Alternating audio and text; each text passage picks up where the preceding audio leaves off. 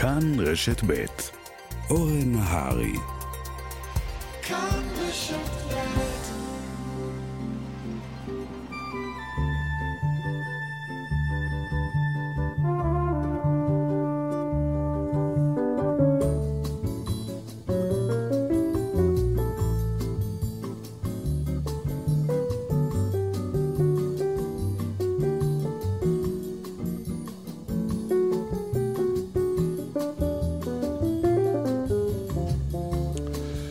בוקר טוב, שבת שלום לכם המאזינות והמאזינים. תודה שהצטרפתם אלינו לעוד מסע בין עבר, הווה ועתיד, תולדות המדינה, אמריקה העתידית, אידיאולוגיות ששינו ומשנות את העולם, ובשעה השנייה, שנה בשעה, 1909, מסע מאחוזת בית דרך הקוטב הצפוני עד סוכנים חשאיים בריטיים. עורכת משנה ומפיקה כתמיד מאיה טלמון הזרזר חסרת התחליף. על הביצוע הטכני ליטל אטיאס, אני אורן נהרי. מתחילים. והשבוע נציין את יום השנה למלחמת ששת הימים.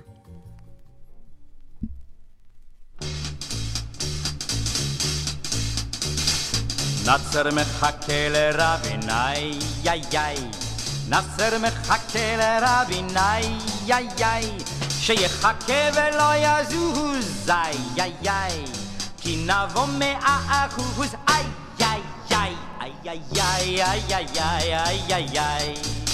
כדאי אולי להזכיר שהשיר העליז והבוטח הזה, האיי איי איי, בתקופת ההמתנה לפני המלחמה היה הרבה יותר אוי אוי אוי. היה פחד גדול מאוד. זו תקופת המשבר הגדול. לא היה ביטחון, אני אומר את זה בלשון המעטה גדולה, במנהיגותו של לוי אשכול, אבל על כך נדבר בהזדמנות אחרת, שתהיה. שלום לפרופסור מוטי גולני. שלום, שלום. ראש המכון לחקר הציונות וישראל על שם ויצמן באוניברסיטת תל אביב, כמו שיש טענה ששתי מלחמות העולם הן בעצם מלחמה אחת עם הפסקת אש באמצע, אתה טוען שמלחמת ששת הימים היא על רצף המתחיל במלחמת העצמאות עד מלחמת יום הכיפורים, מה שאומרים בבחינות של פעם, הסבר ונמק. אה, בדיוק כך. תראה, יש, יש רבים שרואים במלחמת ששת הימים רגע מכונן בתולדות מדינת ישראל, אחרים ומתרבים יותר ויותר, רואים בה אולי את אסוננו. אני לא רוצה אה, לעסוק... שגם זה רגע הזאת, מכונן, צריך לומר. שגם זה רגע מכונן, בכל מקרה, אלא שלא בסוגיה הזו ש, שדשים בה לא אחת אני רוצה לעסוק, אלא כמו שאתה פתחת אה, ואמרת, אני רוצה להציע פרספקטיבה חדשה ולומר שבעצם כדי להבין מה שקרה ב-67', איך זה התחיל, איך זה התנהל, איך זה נגמר, אנחנו צריכים לראות אה, במה שאירע ביוני 67 מערכה בתוך מלחמה יותר גדולה, היא מלחמת 25 השנים, שנפתחת איפשהו במאי 1948 עם המלחמה הישראלית-ערבית הראשונה, ונמשכת עד אה, אוקטובר 73, אולי קצת יותר, אחרי תום מלחמת יום הכיפורים. אתה מניח פה כוונה, זאת אומרת, ומבט לטווח ארוך, ואיזשהו ניהול אחיד של עולם ערבי מפוצל ומסוכסך שלא נודע לתהילה באיזה מבט לטווח ארוך, ומה גם שהיו שליטים שונים לאורך המלחמות האלה, בסוריה ובמצרים. כמובן שההנחה שלי היא הנחה בדיעבד, זה מה שעושה ההיסטוריון. כן. הפרספקטיבה כן. שמאפשרת לנו, שמאפשר לנו הזמן, מראה שבעצם זו אותה זירה, mm-hmm. נכון שהמנהיגים משתנים, אבל באופן בסיסי זה אותם שחקנים, אותן mm-hmm. מדינות, אותן סיבות לקונפליקט, ולעיתים, אתה יודע מה, אפילו החיילים הם אותם חיילים. זאת אומרת, מדובר גם במשך זמן קצר ביותר. אם אנחנו מדברים על סיבובים, הסיבוב הראשון ב-48-49, אחר כך מלחמות הגבול של ישראל בין 49 ל-56, מה שנקרא בלשון אה, רגילה פעולות התגמול. שלא לדבר על מלחמת סיני. Mm-hmm. אחר כך, בסוף שנות ה-50, ראשית ה-60, הקרב על המים. Mm-hmm. וכמובן, המערכה שאנחנו מדברים בה הבוקר, 67, מלחמת ההתשה, מלחמה לכל דבר, ומלחמת יום הכיפורים. זה רצף של 25 שנים. דור אחד בלבד. שלא פסקה. דור אחד, מלחמה שלא פסקה. חשיבות הראייה הזו, להערכתי, היא בזה שאנחנו נוכל להבין טוב יותר את המערכות השונות. הרי היה ברור ב-1956 למשל, בתום המלחמה, שתפרוץ מלחמה נוספת בין ישראל למצרים. המצרים דיברו על זה, הישראלים דיברו על זה, ההיערכות הייתה, הייתה בהתאם. למעשה הציפיות הגשימו את עצמן. זה לא היה דבר שבדיעבד אנחנו צריכים להיות אה, אה, מופתעים ממנו. כן. עכשיו, בואו נסתכל לרגע על מלחמת ששת הימים. האם הייתה בכלל, לאור המחקר היום, כוונה של אה, מצרים, מצרים וסוריה, אה, להגיע למלחמה, או שפשוט נסחפו בלהט האירועים, כמו שאנחנו שומעים יותר על המעורבות הסובייטית וכולי וכולי. הייתה בקיצור איזושהי כוונת מכוון, או שהאירועים התגלגלו? אני סבור שלא הייתה להם כוונה להגיע למלחמה, יותר פשוט שהם היו בתוך, בתוך המלחמה בכל מקרה כבר. השאלה הייתה אם להגיע ללחימה, וההבדל נדמה לי הוא, הוא ברור. ולכן באמת הדיון יכול להיות למה פרצה האש ב, אה, אה, ב, ביוני 1967, למעשה היא פרצה כבר קודם, אנחנו מכירים את הקריאות סוף 66, את הקריאות האוויר. כן, אה, הפלת המטוסים, כן. בדיוק, אנחנו, הדברים כבר היו שם. שוב, בראייה בדיעבד המלחמה הייתה שם. השאלה מתי יורים, על מי יורים ובאיזו עוצמה. אז יכול להיות שלא התכוונו שזה יקרה ביוני 67 דווקא, אבל לכולם היה ברור שזה יקרה. אותו דבר גם לגבי מה שאירע אה, אה, אחר כך. ולכן אני חושב שהניסיונות גם לשאול מי התחיל, דבר ששופכים אה, עליו מילים, מילים רבות, הוא ניסיון מוטעה ביסודו. בעצם אנחנו בהתחלה שהיא 1948, למה אני מסיים את זה ב-1973, גם כולל את מלחמת ששת הימים, היא שאלה מעניינת כשלעצמה, אם יהיה זמן אנחנו נאמר עליה מילה. אז זה אנחנו, כשאנחנו נדבר על מלחמת יום הכיפורים, ובהחלט נדבר עליה. אז עכשיו לגבי ששת הימים, תוך כדי מלחמה יש כל כך הרבה סוגי בלגן שונים. נעזוב לרגע בצד את, ה, את נושא הקרבות, עוד נגיע אליו כשנגיע לדבר במסגרת שנה בשעה על הדברים האלה. אמ, מטרות המלחמה הישראלית משתנות, הן משתנות תוך כדי מלחמה. נוספים אויבים שבהתחלה לא הייתה כוונה להכניס אותם למעגל המלחמה, וכמובן אחר כך השאלה הגדולה, מה עושים עם מה שכבשנו.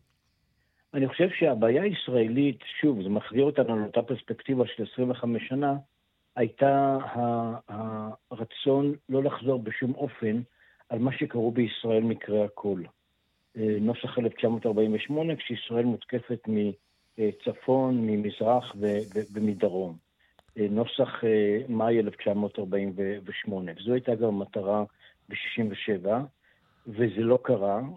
ישראל באמת ובתמים אף שהיא אה, פתחה ראשונה באש כידוע, לא רצתה אה, שבו זמנית תהיה גם חזית אה, ירדנית. אה, היא, היא כן הניחה שתהיה חזות, חזית סורית, כי סך הכל ההתחממות הייתה שם. מה שמאפיין את המטרה הישראלית זה ההנחה שכמו תמיד מדינת המפתח היא מצרים, mm-hmm. שם הכל יתחיל, שם הכל ייגמר, סוריה בעצם נגררת, ושאת ירדן, שעימה היו יחסי שלום לא פורמליים נקרא לזה, אה, עוד מתקופת המנדט, אה, אה, תישאר בצד. זה לא קרה. זה לא קרה, ואני חושב ששני דברים הראו כאן. א', הנחה שההגנה הטובה ביותר היא ההתקפה, וב', סוג של תיאבון שבא, שבא עם ההצלחה.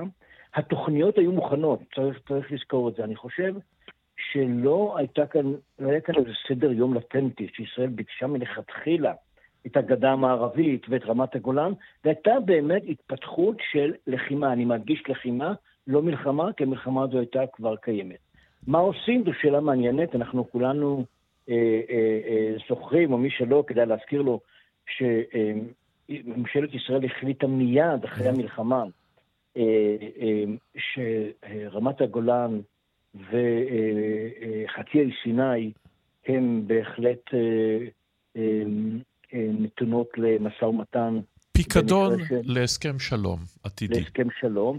לא הגדה המערבית, שם הייתה התרגשות גדולה, ירושלים וכך הלאה. ההחלטה הזו אה, אה, נבלמה בסופו של דבר, וקל לומר שבאשמתן של מדינות ערב. יש להם כמובן את השק, אה, את השק שלהן, אבל נדמה לי שהעסק הזה נתקע בעיקר, כרגיל, כמו בכל מלחמת 25 השנים, בגלל אי יכולת או אי רצון של המעצמות מעצמות העל, ארצות הברית וברית המועצות, לגרום לישראל ולמדינות ערב להגיע לאיזשהו משא ומתן, משיקולים שלנו. זה, כן, סיפור אחר. תודה רבה לך על הדברים האלה, הפרופסור מוטי גולני. תודה, תודה. וכעת לנושא אחר לחלוטין, ונתחיל בשיר אנרכיה בבריטניה, הסקס פיסטולס.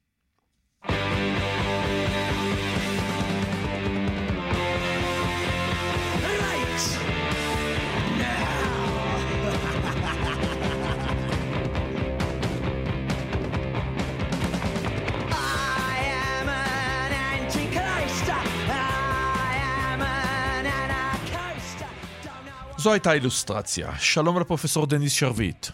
בוקר טוב. ראש התוכנית לתואר שני ללימודי דמוקרטיה בינתחומיים, המחלקה לסוציולוגיה, מדע המדינה ותקשורת, האוניברסיטה הפתוחה, ואנחנו ממשיכים במסע בין האידיאולוגיות שעיצבו את העולם המודרני. היום אנחנו עם האנרכיזם, מילה שהתחילה כאידיאולוגיה אולי, והפכה כמובן לכינוי גנאי. קודם כל, האם אין כאן סתירה? האם אנרכיזם הוא אידיאולוגיה? בהחלט, בהחלט, יש תפיסה אידיאולוגית ששמה אה, אה, אנרכיה, אה, שהייחוד שלה, אורן, הוא שבניגוד לכל התורות, כל התורות הפוליטיות שאנחנו מכירים במערב ובמזרח, כולן מבוססות על כך שצריך להפקיד סמכות, סמכויות, הרבה, מעט בידי קבוצה, יחיד, כל זה בהתאם לשיטות השונות. להבדיל מאנרכיזם, שמן היסוד שולל את, את מושג הסמכות. הוא אומר, אה, אה, אה, סדר חברתי שמבוסס על כך שבידי אחד מעט או הרבה יש סמכויות והאחרים אין להם, הוא בעצם דבר שהוא משחית והוא מושחת וזאת התפיסה. ובזה היא שונה, התפיסה הזאת שונה מכל התורות האחרות. אני יכול להוסיף לך מן הסתם אה, ייחוד שני הוא, ושלהבדיל מכל התורות, שבשלב כזה או אחר זכו להגשים אה, בהצלחה או שבכישלון מחפיר את תורתם, האנכריזם בעצם לעולם לא הגיע לשלטון, ואולי יש בעצם סתירה מובנית, איך, בדיוק. דבר, איך תורה ששוללת שלטון יכולה להגיע לשלטון. לא רק אבל זאת. אבל לכן זה לא קרה. איך תורה ששוללת אפילו ארגון. אתה הרי חייב ארגון שאתה מתנגד לו, כדי, הם מעולם לא יתגברו על הסתירה הפנימית הזו. נכון, נכון, ולכן הייתי אומר שאתה תשאל אותי, אז מה הערך של תורה שכזאת שהיא בלתי מציאותית, היא בלתי אפשרית, היא לא תתקיים לעולם? אז הייתי אומר, ו- ו- וזה מה שמדהים, שעדיין יש אנשים שמגדירים את עצמם כאנרכיסטים, כלומר, ה- יש כוח מוסרי, כוח משיכה מוסרית שעומד בעינו. כלומר, לאנשים, בגלל שבעצם האנרכיזם מציב את החירות, בגלל שהוא בעצם חושף ואני חושב שזה התפקיד הביקורתי של האנרכיזם, הוא, הוא, הוא חשוב, יש לו חלק, יש לו משמעות, בגלל שהוא בא ואומר, הארגון הזה שנקרא מדינה, לא, לא, משהו, הרעיון, בואו ניקח למשל את הרעיון הבסיסי של הליברליזם, האמנה החברתית. מה אנחנו אומרים? אנחנו אומרים, תראה, היה שלב כזה שבו כולנו הסכמנו. הוא אומר, איפה ההסכמה הזאת? כל הדבר הזה זה סיפור, זה נרטיב, כדי להשליט סדר, כדי שתהיה חלוקה בין שולטים לנשלטים. עכשיו, נכון, אתה צודק, הם, אני לא רואה איך יום אחד זה יקרה שלא יהיה, אז מה הערך האנכיזם? בזה, שאת, למי שעוסק בתורות מדיניות, בזה שבאה התורה, באה משנה סדורה ואומרת, החלוקה הזאת בין השולטים ולנשלטים היא לא טבעית, היא לא בסדר, אה, ורק להחזיק בתפיסה הזאת מאפשר, מאפשר לך בעצם להתבונן במציאות ולבחון אותה באורח ביקורתי, גם אם מבחינת היישום אין הרבה תוחלת לאנרכיזם. עכשיו, מלכתחילה... ועד היום, כמובן, אחד הדברים שמדברים על אנרכיזם, מדברים על אלימות. אה, וצריך לומר שגם מלכתחילה, אחד הדברים שאפיינו אנרכיסטים היה התנגשויות. התנגשויות במנהיגי מדינות ובאישים אחרים. אנחנו מכירים את זה ברוסיה, מכירים את זה בארצות הברית, רצח הנשיא מקינלי, סיסי, אליזבת, קיסרית אוסטריה, אה, ורבים אחרים, מלכים רבים שנרצחו במפנה המאה ה-20. מדוע בעצם? אז ככה, קודם כל נשים מיד לב לכך שהנה האנרכיזם הולך ומתפתח. היום האנכיסטים, מי שמוגדר בעולם, באירופה, במזרח התיכון, איפה שרק אתה רוצה, אה, או בארצות הברית כאנכיסטים, היום אינם משתמשים עוד בנשק הטרור, אבל אתה צודק בהחלט, זה היה דרכם בעצם להביא אה, כלשונם, כן, על פי תורתם, בעצם לשינוי דרמטי, תערוף את הראש ובעצם אתה תוכל בעצם לנצל את המצב של אה, מהפכה כדי להגיע למה? לסדר כזה שיהיה מבוסס על הרצון החופשי, החירות. אני, אה, זה נכון שבסופו של דבר ההישגים היו אה, אה, מוגבלים, ועובדה היא שלא משתמשים, האנכיסטים, מי שמגדיר את עצמו כזה, איננו עוד דוגל, אבל זה נכון שב... סוף המאה ה-19, תחילת המאה ה-20, הם העריכו שעל מנת לא לשפוך דם מיותר, ותראה פה את ההיבט אפילו המוסרי, mm-hmm. לא נרצח אה, אה, יורש עצר אם בנו נמצא לידו, כלומר היה להם גם שיקולים מן הסוג הזה, אבל כן אמונה, ש... אמונה תמימה, כן, ללא ספק, שאם אתה תערוף את ראשו של, של מנהיג כזה או אחר, זה ישתלם. לא שרצח פוליטי לא ישתלם לעולם, יש, אנחנו מכירים מקרים שבהם זה ישתלם, אבל הם האמינו בכך, וצריך לומר, התבדו. היחסים ביניהם לבין הקומוניסטים, בוודאי בתחילת הדרך, בהתחלה הם היו באותו אינטרנציונל, בקונין בז למרקס, רואה שבו יהיר בוגדני וערמומי, מרקס רואה בבקונין שרלטן מטורף, האמת שניהם קצת צודקים, אבל נבואה מדויקת להפליא אחת הייתה לבקונין. ב-1870 הוא אומר, קחו את המהפכן הקיצוני ביותר, הושיבו אותו על כס כל הרוסים, כלומר כס הצאר, תנו לו סמכויות דיקטטוריות, תוך שנה הוא יהיה גרוע מהצאר. הוא צדק בזה לחלוטין. עכשיו, בסופו של דבר, רבים מאוד רואים, בטעות, בקומוניסטים ובאנרכיסטים איזה בני ברית, אבל בעצם יש פה הפכים אידיאולוגיים מוחלטים. אה, זה נכון שהם היו בעלי ברית, ללא ספק, את דרכם הראשונה הם עשו יחד, יש תמיד אה, אה, מתיחות, והמתיחות הזאת גאתה במיוחד כאשר בעצם המהפכה הצליחה להתממש בברית המועצות, לך גם נוסף, נוספת, נוספה הביקורת הטרוצקיסטית, כלומר בסופו של דבר, הנה, מאחר שאתם משתמשים באותם כלים, חוקים, צווים, פרלמנט וכולי וכולי, זה לא ילך, בסוף אתם תעשו לא רק כמו הליברלים, תעשו אה, גרוע אה, אה, מהם, ואין ספק שהאנרכיסטים היו, לעיתים צריך להגיד, קורבן אה, לקומוניסטים, במיוחד אני רוצה להזכיר ב-1936 במלחמת האזרחים בספרד, הם היו אמורים להיות שוב ביחד נגד האיום הפשיסטי, בסוף מה שקרה הוא שהקומוניסטים ניצלו את ההזדמנות כדי לחסל פיזית את האנרכיסטים, ומי שתיעד את הדבר הזה היה ג'ורג' אורוול בספרו קינה בקטלוניה, כן. עכשיו, אם כשמדברים היום על אנרכיזם, יש כמה אלמנטים, לא רבים ידעו זאת, אני מניח, בנו של מילטון פרידמן, שגם הוא פרופסור לכלכלה, מגדיר את עצמו אנרכיסט ליברטריאן, כלומר, הוא אומר שלא רק זה שהמדינה לא צריכה לטפל בשום דבר, כמו שאומרים הליברטריאנים, היא צריכה להתפרק לחלוטין, וכולנו נחיה על הכלכלה והכלכלה בלבד. אה, אנחנו, יש לנו דימויים של אלה, ה, אני יודע מה, עם המסכות המפורסמות של גיא פוקס, אולי מפגינים לעיתים עם בקבוקי מולוטוב אל מול הגלובליזציה. מה זה היום בעצם אנרכיזם? ועד כמה האנשים ש... מתגאים בזה שהם אנרכיסטים, או שמגדפים אותם שהם אנרכיסטים, הם בעצם אנרכיסטים.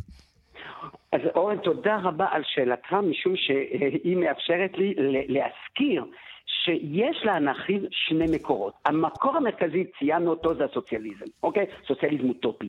אבל זה נכון שיש אה, אה, זרם הרבה יותר משני, הרבה יותר, פחות גדול, אנשים גם לא קושרים את זה עם האנכיזם, זה מנחים שמקורו בליברליזם. כלומר, הרעיון של החירות, כן? ופה אנחנו אומרים, אה, נכון, אנכיזם וחירות זה עולה ביחד, עד כדי כך שבעצם הם המציאו אה, אה, מושג כזה של אנכו-קפיטליזם, ואני רוצה להגיד לך, המושג של אנכי של הימין הוא מושג קיים, אנחנו לא משתמשים פה בעברית ודאי, אנחנו לא מייחסים את זה לקצה המפה הזה אה, אה, של המערכת, המפה הזאת של המערכת הפוליטית, אבל בהחלט יש מה שנקרא אנכיזם ימני, אה, שהוא לא פשיסט ולא כלום, אלא שהוא מה שנקרא ליברטריאני, הוא רוצה לפרק את המדינה, מלחמתם היא במדינת הרווחה. אני רוצה אגב להזכיר, כדי לא להחמיץ את הנקודה הזאת, את ההיבט של ההתנגדות לדת ולכל סוג של קלריקליזם, כלומר של שליטה, אה, של כמורה כזאת או אחרת, אה, בעיקר נוצרית, כן, אנחנו מדברים על תנועה שצמחה באירופה. אה, אני רוצה אגב להזכיר שהיו קשרים מאוד מאוד מעניינים ומרתקים בין יהודים ואנכיסטים, שלא לחשוב שהיהדות והאנכיסט זה שתי תפיסות זרות לחלוטין, היו כן קשרים מאוד חזקים ביניהם, בעיקר בין שתי מלחמות העולם, אבל ללא ספק שהזרם הליברטריאני הזה כן יש בו ביטוי אנרכיסטי במובן הזה שהמדינה בעצם היא מעין אם אה, סמכותנית שמגבילה את החופש הכלכלי ולכן הנה פה חיבור מרתק, מעניין, אה, מקורי, אה, ברור שבין שני הזרמים הללו של אנרכיזם אין שום שיח, כן? הם, כן. לא, הם לא מקיימים כנסים ביחד. אין שום ספק. אה, ובקונין, קרופוטקין, היו קמים היום לתחייה, היו מסתכלים על הצעירים המפגינים מול כינוסים של G7 ודבוס וכולי וכולי, מה, ו, אה, ואחרים, מה, מה היו אומרים עליהם? אני חושב שזה הגלגול האחרון, אין ספק, אמרנו, טרור אין יותר. אה, מלחמה בדת לא ממש, אני לא רואה את האנרכיסטים נאבקים לא נגד האסלאם הרדיקלי או משהו, אבל בהחלט מה שנשאר זה בעצם המאבק נגד הגלובליזציה. אפשר אפילו לומר שהאנרכיסטים בעצם, שהיו איזה מיעוט תרבותי, כן? Mm-hmm. תרבותי במובן הזה של יצירות, אה, אה, אומנות וספרות ומוזיקה, אתה, שמענו את הסקסיסטו וזה, הנה בעצם התחדשו ימיהם ב... ב-30-40 שנה האחרונות כתוצאה מתהליך הגלובליזציה, אה, משום שהם מצאו פה, הם לא היחידים כמובן, כן, שנאבקים על כך, אבל הם מצאו פה בעצם את הביטוי האולטימטיבי של, ה, של הניצול, של הדיכוי, אה, ומבחינה הזאת אה, הם כן איכשהו הצליחו להיות שוב על המפה. אין להם אה, שאיפה לא לשלוט ולא להיות התנועה, הם לא משתתפים בבחירות, כן? אין, אין מפלגה נחליטית שמשתתפת בבחירות, הם לא מאמינים בכל האמצעים הללו, זה בעצם נוכחות מתוך התנגדות, וזה מין, הם באים לאתגר, הייתי אומר, אני מבחינתי כמי שקורא את כתבי אם, הם באים לאתגר, הם באים לרענן, ברור שבסופו של דבר זה לא מוביל אה, אה, אה, לאיזה שינוי משמעותי, אבל כן לאתגר את המחשבה, ומהבחינה הזאת יש להם תחומה, וברור שאין כל קשר בין אי סדר לבין אנרכיזם וכל שימוש. ומדוע, מדוע דניס, אנרכיסט היום זה מילת הגנאי שנניח ממשלת ישראל משתמשת בה כלפי מפגיני קפלן אה, בעיקר, אבל גם במקומות אחרים בעולם. למה זה החליף את, ה, את הקומוניסט של פעם? כי זה יותר נכון. מפחיד, זה מאתגר את הסדר החברתי? נכון, אז קודם כל, כמו שאמרת, משום שהיום קומוניזם, זהו, לא, לא, לא קיים, אה, ברית המועצות נפלה, אה, אה, בסין זה אנחנו מבינים שזה רק שימוש במילים, אין מאחורי זה שום דבר, אין להם גייסות. עכשיו, לאנרכיסטים אין גייסות אין להם דיוויזיות רבות, כמו שסטלין היה אומר, אבל לעומת זאת יש להם נוכחות מאתגרת. תראה, היום הרבה מהביקורת זה מה קורה באוניברסיטאות, איפה נמצאת הביקורת החברתית, ואנרכיסטים בעצם זה מין מטבע לשון, אנשים בוודאי לא יודעים דבר וחצי דבר על תולדותיהם וחשיבותם בהגות הפוליטית, אבל יחד עם זאת, הם עדיין מעורר, הם, הם, זה, זה עדיין מושג שמעורר, אפילו בחלק מהציבור לפחות, את, ה, את התחושה הזאת של אבדון, אי סדר, אנדרלמוסיה, התפרקות כל דבר לדבר, אה, ולכן קל מאוד אה, ככה לקחת את הביטוי הזה, להשליך אותם על ציבור ש... אני משוכנע שבין כל משתתפי קפלן... אה, אה, אין ולו אנרכיסט אחד. אולי תור, אתה יודע, הנושא של פציפיזם אולי קצת כן שמעו עליו וכולי, אבל בסך הכל לא, לא, זה ברור שזה שימוש אה, כשם גנאי, וזה מצער שמדינה להשתמש במושגים פוליטיים שלא לצורך. תודה רבה לך על הדברים האלה, פרופסור דניס שרביט, עונג כתמיד. תודה, אורן, להתראות. ומכאן לארצות הברית, אז רק באמריקה, ברוקס ודן.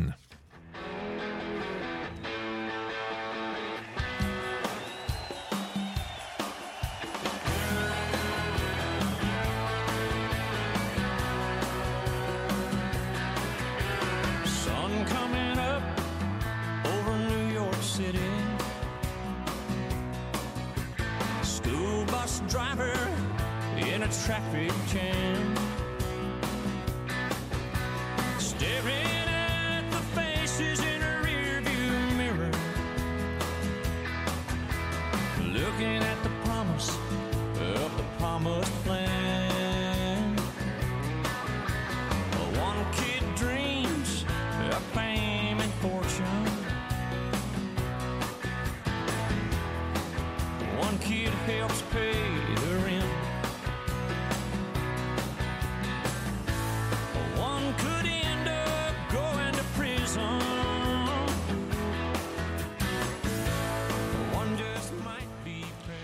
שלום לפרופסור איתן גלבוע.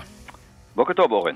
מומחה לארצות הברית, אוניברסיטת בר אילן, חוקר בכיר במכון ירושלים לאסטרטגיה וביטחון. אנחנו מבקשים לשוחח איתך על ארצות הברית, כמובן, התחום שאתה כה מזוהה איתו, אבל לשלב את זה עם הפינה שלנו, העולם ב-2050.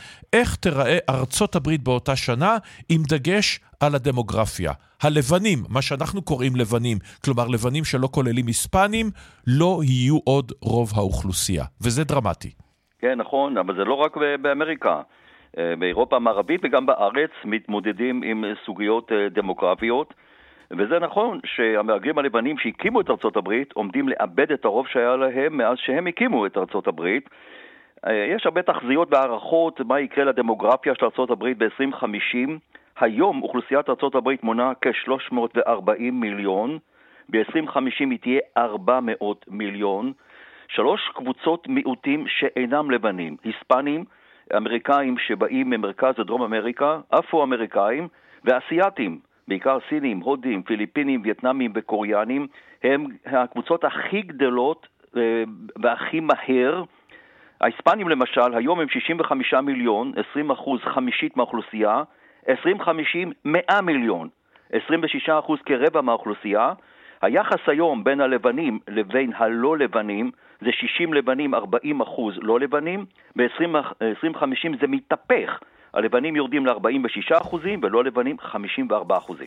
עכשיו, איך זה ישפיע על שלל דברים. בואו נתמקד רגע בפוליטיקה, כי אחד התהליכים שקורים, וקורים גם עכשיו, זה ארצות הברית יותר ויותר חילונית, פחות ופחות אוונגליסטית.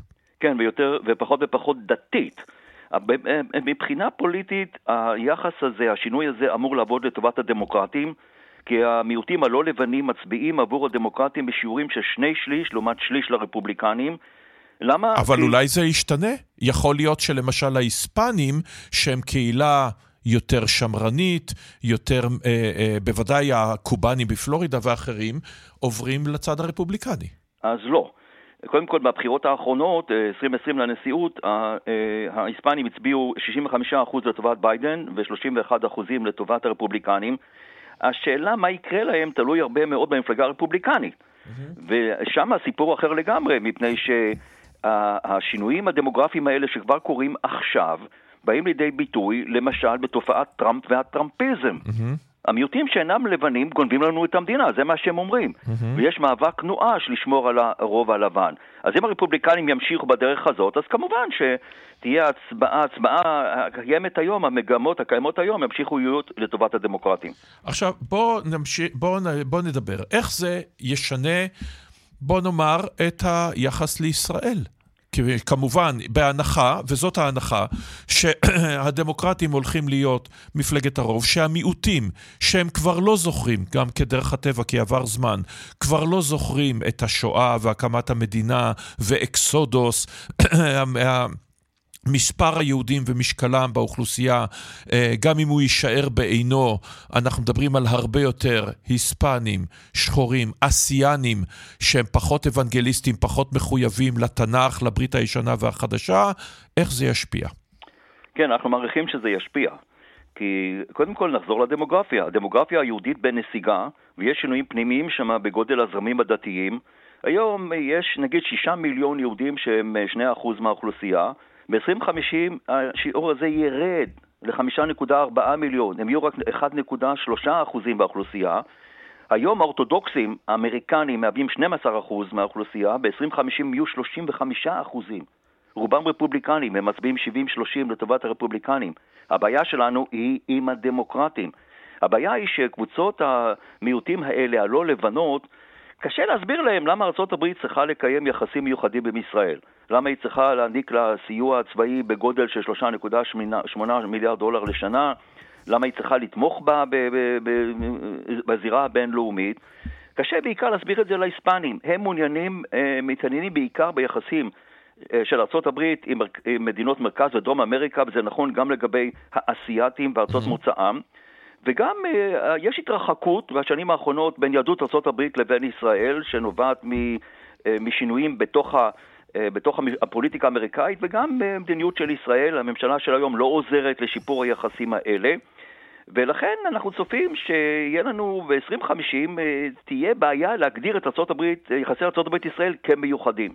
ואם אנחנו מסתכלים על ארה"ב ומנסים להבין, וכמובן יכולים לקרות כל כך הרבה דברים, מי דימה לעצמו לפני שלוש שנים בלבד שרוסיה תפלוש לאוקראינה ותסתבך בה יותר משנה במלחמה שרק הולכת ומסתבכת מבחינתה יותר ויותר, אה, ארצות הברית של אז, האם היא תהיה בדלנית יותר, האם היא תרצה בכלל, ונשים בצד כל מיני דברים אחרים שיקרו ברוסיה, בסין וכולי וכולי, האם היא תרצה להסתגר בתוך גבולותיה ואזור ההשפעה הקלאסי שלה?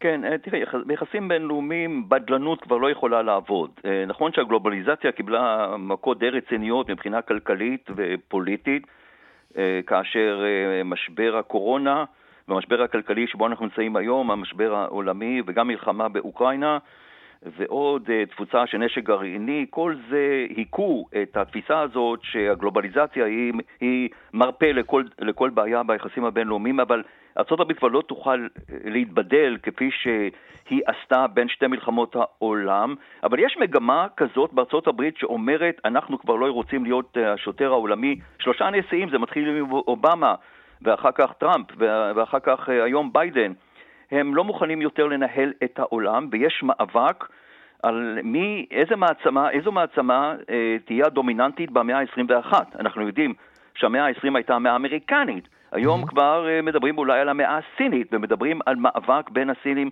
לבין האמריקאים. גם בתחום הזה המצב של ישראל לא טוב, מפני שהיא פחות נראית כנכס לארצות הברית. ואם אנחנו מסתכלים על הפוליטיקה הפנימית, מתי אתה צופה לראות את הנשיא ההיספני הראשון? באזור איזו שנה? כן, זו שאלה מאוד מאוד מאוד מעניינת. אני יכול להגיד לך שיש כאלה בארצות הברית שאומרים על ביידן שהוא יהיה הנשיא הפרו-ישראלי האמריקני האחרון. יש גם אה, שאלה לגבי ההיספנים, אז אין ספק שההיספנים תופסים יותר ויותר מקום בפוליטיקה האמריקנית. אה, ביידן מינה 15% מהתפקידים הבכירים שלו היספנים. Mm-hmm. שר ההגנת המולדת שלו אה, הוא אלחנדרו מיורקס, שהוא יהודי ממוצא קובאני, אז פה הוא משיג, הוא, הוא יורה בשתי ציפורים במכה אחת. בית המשפט העליון ב-2009, אובמה מינה לראשונה את סוניה סוטומיור, שהייתה היספנית הראשונה. אז יש להם יותר ויותר ייצוג אה, בממשל, בקונגרס. בקונגרס יש להם היום 40 צירים, שזה מתוך 435 זה פחות מ-10%, כאשר מ-20% מהאוכלוסייה בסנאט ארבעה סנאטורים, וזה יגדל בצורה משמעותית. תראה, אני חושב שארה"ב עדיין לא מוכנה לאישה נשיאה, ועדיין לא מוכנה לנשיא ממוצא, מ- מ- לא לבן, זה ייקח עוד כמה שנים. ואני חושב שכל הסיפור שאנחנו מדברים עליו, על עליית קבוצת המיעוטים, צריך לייחס את זה גם לכך שקבוצות רבות בתוך הלבנים של ארה"ב לא היו מוכנים לקבל את בחירתו של ברק אובמה, mm-hmm. שהוא היה הנשיא האפרו-אמריקני הראשון, וזו הייתה התחלה של התחושה הזאת, גונבים לנו את המדינה. לא כל כך מהר יהיה נשיא היספני ראשון. ולגבי אה, עד כמה אה, אה, השילוב הזה בארצות הברית, אותה מדינה שכל כך... מזהה את עצמה עם פסל החירות, עם בואם של אנשים מקהילות, שזה תמיד היה קצת בלוף, כן? אבל לא לגמרי קיבלו את כולם ולא את כולם באותה מידה. אה, עד כמה... אה, היא תמשיך ותהיה משולבת, כמו שאנחנו רואים ב, אתה יודע, בסדרות האלה בנטפליקס, שהנה כולם חיים יחד ומבלים יחד בערים הגדולות, הליברליות. מתי זה יגיע גם אל שאר המדינה? ואולי זה לא יגיע, כי זהות לאומית וזהות של צבע ומעמד ודת עדיין ותהיינה תמיד אולי מאוד מאוד חזקות. בדיוק, אנחנו חוששים שזה לא יגיע. פעם ארה"ב התגאתה בכך שהיא כור היתוך קלאסי. אבל העיקור ההיתוך הזה אה, הוחלף במגמות נוכחיות, אה, נוכחיות של פוליטיקה של זהויות. אפילו המציאו גישה אידיאולוגית, אתה בטח מכיר אותה, שנקרא, שנקראת וואק, כן. או ווקיזם.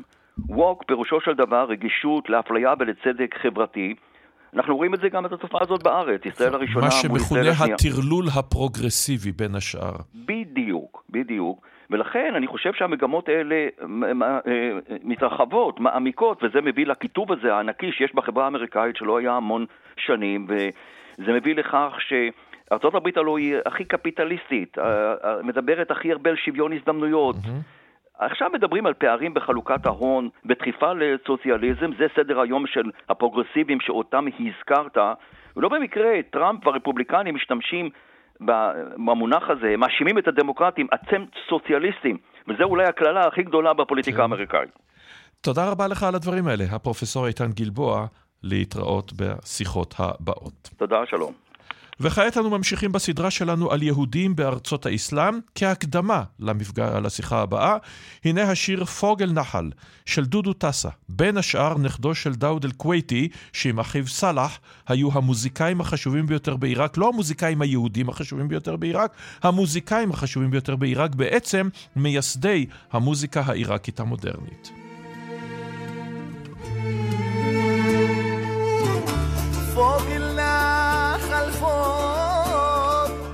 by four.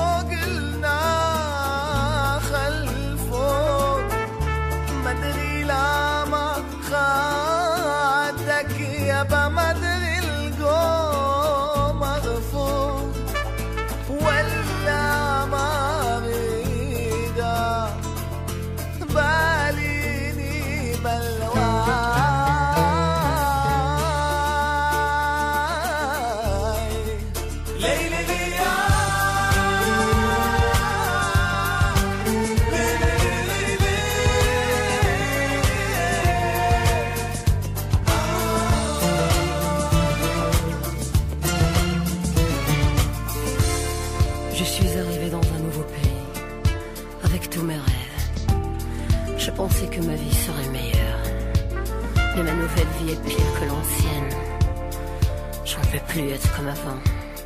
Je ne peux pas être comme ils veulent que je sois. Qui je suis, j'en sais plus.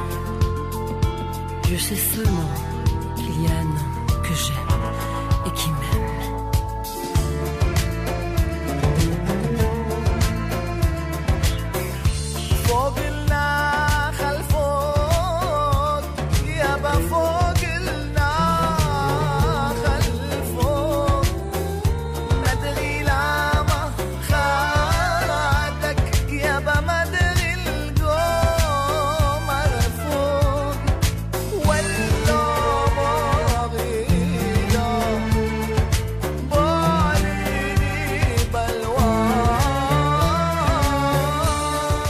בשבוע שעבר שוחחנו על היהודים באימפריה העות'מאנית, ואנחנו מבקשים כעת להתחיל לצלול אל חייהם של היהודים בארצות ערב השונות, וכמובן, המורשת שלהם כשעלו לימים לישראל, וחלקם כמובן גם המשיכו למדינות אחרות.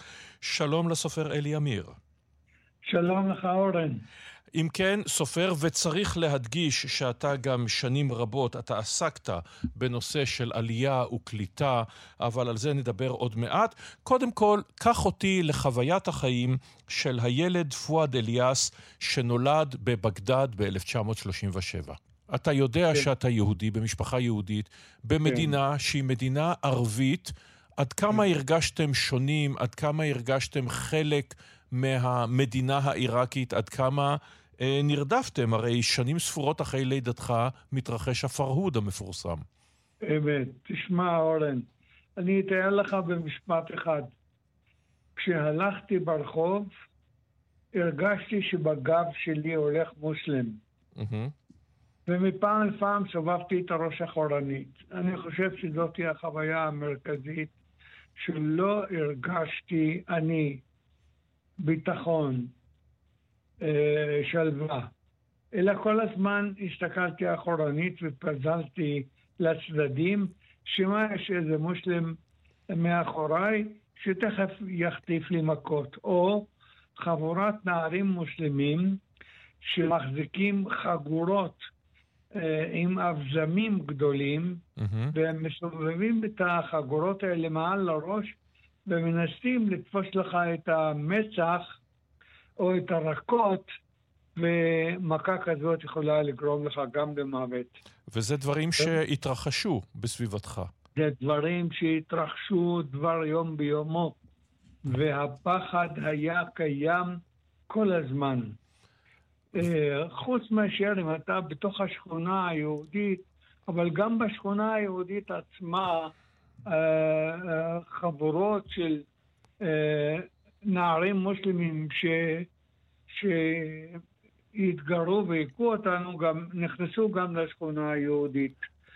וזאת חוויה שאתה לא יכול לשכוח. ולגבי הקהילה, הקהילה הבגדדית, קודם כל היא קהילה כן. עירונית, אה, שחלק גדול מיהודי עיראק כמובן באים מהערים הגדולות, והיא קהילה מאוד מגוונת. יש בה אנשים דתיים, אבל יש למשל לא מעט אה, קומוניסטים, ויש חילונים. באמת, ויש ציונים, mm-hmm. ויש uh, נוער וצעירים שנסעו ללמוד בעולם, בעיקר באנגליה או צרפת, וחזרו לעיראק עם אנגלית שוטפת, עם צרפתית שוטפת. Uh, הייתה איזושהי הרגשה גם, אפשר לומר, קוסמופוליטית בתוך העיר הזאת, ואסור לנו לשכוח שבירת התרבות המערבית, הערבית, mm-hmm. היא הייתה קהיר. קהיר הפיקה סרטים, שעל הסרטים שלה התחנכנו, ומהסרטים האלה למדתי לדבר ערבית מצרית, שעזרה לי הרבה מאוד אחר כך בביקוריי במצרים, וכמובן אי אפשר לשכוח ואי אפשר להתעלם מהזמרת הערבית הענקית, אום כולתום. אבל רגע, אתה מדבר פה על מצרים, אבל רגע, בגדד הייתה בירת... בירת כן. אה, אה, העולם הערבי, אפילו אפשר לומר העולם כולו, בימי כן. הרון אל-רשיד, בית אומיה, בית עבאס, זו הייתה בגדד, כשקהיר עוד לא הייתה כלום. אין ספק, אבל על בגדד שלי אני לא יכול לפסוח. כן. על הקשר שלנו למצרים כן. ולאום כלסום, שאני כותב עליה עכשיו רומן שלם. אוקיי, אז בוא נעבור עכשיו, לספרים שלך. כן. אלי, כן. אתה עולה, עולה לארץ, אתה מגיע למשמר העמק, לכאורה או לא לכאורה, יש פה את ההתנגשות הקלאסית, גם שייקה לוי מהגשש מדבר עליה, של הנער העולה מארצות ערב, הנער המזרחי, שמגיע אל משמר העמק הכה-אשכנזי, התנגשות תרבויות. תראה, הייתי קורא לה שונות. שונות. במשמר העמק נתקלתי באנשים שונים ממני ומאיתנו בכל. Mm-hmm. האבא שלי, כשבא לבקר אותי, והוא לבש חליפה ועניבה והחזיק משבחה, מחרוזת ביד, mm-hmm. משפחת ענבר, והוא הסתובב לו כמו אפנדי בשבילי משמר העמק, ואני מסביר לו כל דבר ודבר. הוא היה יוצא דופן, התביישתי בו, מפני שהגברים במשמר העמק לבשו חאקי. זו הייתה המודה. ברור. ופתאום בא האפנדי הזה שמסתובב לו שם. אנחנו היינו שונים, בראש ובראשונה. זה לא הייתה התנגשות תרבותית, כי התרבות, התרבות שלנו לא קיבלה ביטוי. נאמר שב... המוסד החינוכי של משמר העמק, שהוא שירת גם קיבוצים אחרים בסביבה, לא יכולתי לערוך חפלה, ולא יכולתי לעשות, אה, לא יכולתי לבקש מנוגה, חברתי היפהפייה והרקדנית, לרקוד ריקודי בטן כשאני שר לה שיר בערבית, תשכח מזה.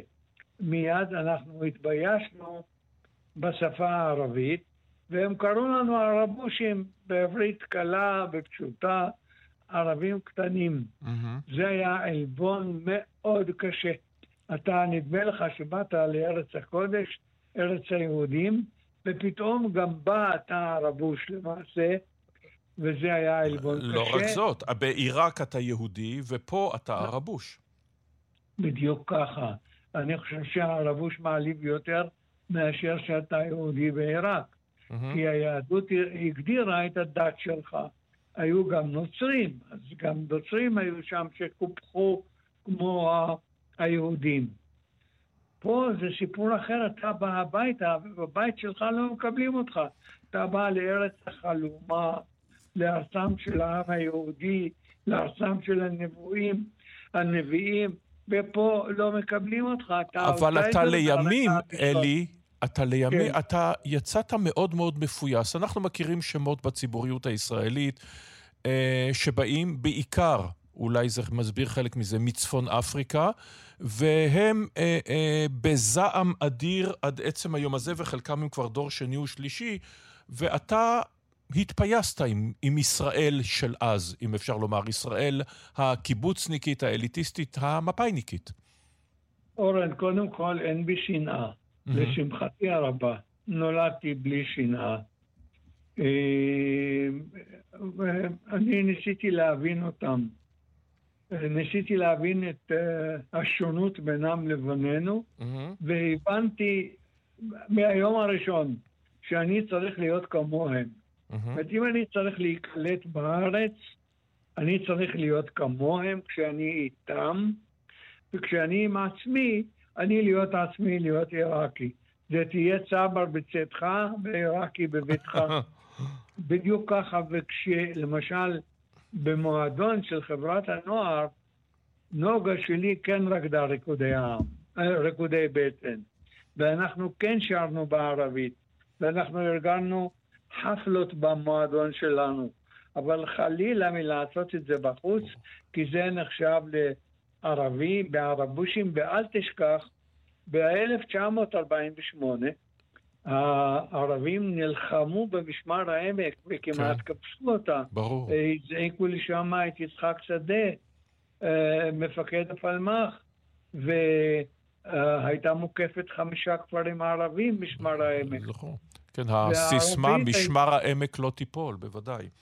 נכון, כי היא הייתה מחסום בדרך לחיפה. בוא נדבר על ספריך. כן, כן. נורי, נורי שמופיע בשלושה ספרים לפחות, שאני זוכר כרגע, כן. הספרים הנפלאים אה, שהידועים אה, בהם, אני מניח, זה תרנגול כפרות ומפריח היונים, אבל ישנם גם אהבת שאול, ויסמין, ונער האופניים. נורי מופיע בהם, נורי, נורי זה אתה בעצם. נכון, נכון. נורי הוא בן דמותי, והשם נורי נותן קצת ריחוק שאני יכול לפעמים לצבוע אותו בצבעים לא בהירים,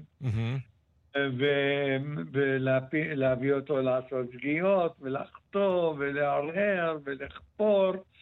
אה, אבל נורי הוא בהחלט בן אה, דמותי בספר, ואני לא מתכחש בספרים, ואני לא מתכחש לזה. אגב, בחרתי לכתוב בגוף ראשון כדי להתקרב לקורא. הקורא שקורא ספר, מי כמוך יודע, אתה קורא המון, גוף ראשון מקרב אותו ישר לסיפור. אתה בגוף אופ... שלישי יש קצת זרות, כן. אתה הופתעת מהצלחת הספרים? אני חייב להגיד שכן. זאת אומרת, בהתחלה לא הבנתי. היה לי ברור מאליו שאני אוציא ספר והספר אה, יימכר. אבל סביב תרנגול כפרות חלה, הייתה באמת סערה גדולה. mm-hmm. כי זה היה חידוש. חיים גורי הופיע לכבודי, חיים גורי mm-hmm. הגדול, לימים ידיד נפש שלי עד יום מותו, חיים גורי מופיע בצוותא ואומר, אלי עמיר בא חשבון עם הצבר. יעקב חזן, אתה יודע מי זה, הקהל לא יודע, חלק ממנו לא כן. יודע מי זה. המנהיג האגדי של השומר הצעיר ושל מפ"ם, הגבר היפהפה, הנואם, הנפלא הזה, קם ואומר בערב שהוא עשה איתי שיחה משותפת, הוא ואני, אז מישהו מאנשי הקיבוץ אמר לו, אלי עמיר משמיץ אותנו בתרנגול כפרות. אמר לו, לא, אלי עמיר לא משמיץ אותנו בתרנגול כפרות, להפך, הוא כותב על העולם שלו, על העולם, שהעם היהודי יש לו שני ענפים גדולים, הענף המזרח אירופאי והענף המזרח תיכוני. והוא מספר לנו על הענף המזרח תיכוני, שאנחנו לא הכרנו אותו. ואת השיחה הוא סיים, אבל תראו מי צמח לנו במשמר העמק. צמח לנו סופר ישראלי. ישראלי, וזאת המילה. החשובה ביותר. הקליטה של העלייה העיראקית, בהשוואה נניח לעליות אחרות שבאו מארצות המזרח, במיוחד צפון אפריקה, היא, היא הייתה קליטה טובה כי מה? כי באתם עם בסיס טוב יותר של השכלה, כי באתם עם מנהיגים שהגיעו איתכם לארץ והיה לכם למי לפנות, כי היו קשרים עוד קודם, עם לימודי ליבה, נגדיר את זה ככה במונחים של היום. מה הפך את זה לסיפור הצלחה אה, כלכלי, אבל לא רק? כל מה שאמרת נכון, נוסיף לזה את האופי, פחות או יותר, של היהדות העיראקית.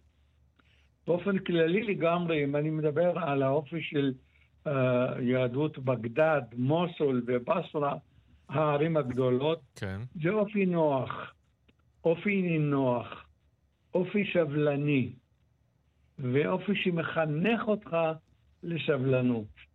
זאת אומרת, אבי ואמי חינכו אותי, דודי, דודיי, חינכו אותי לסובלנות, לאופי נוח, להיות, להיות, uh, הכל יבוא, אבל על המהלך, לאט לאט.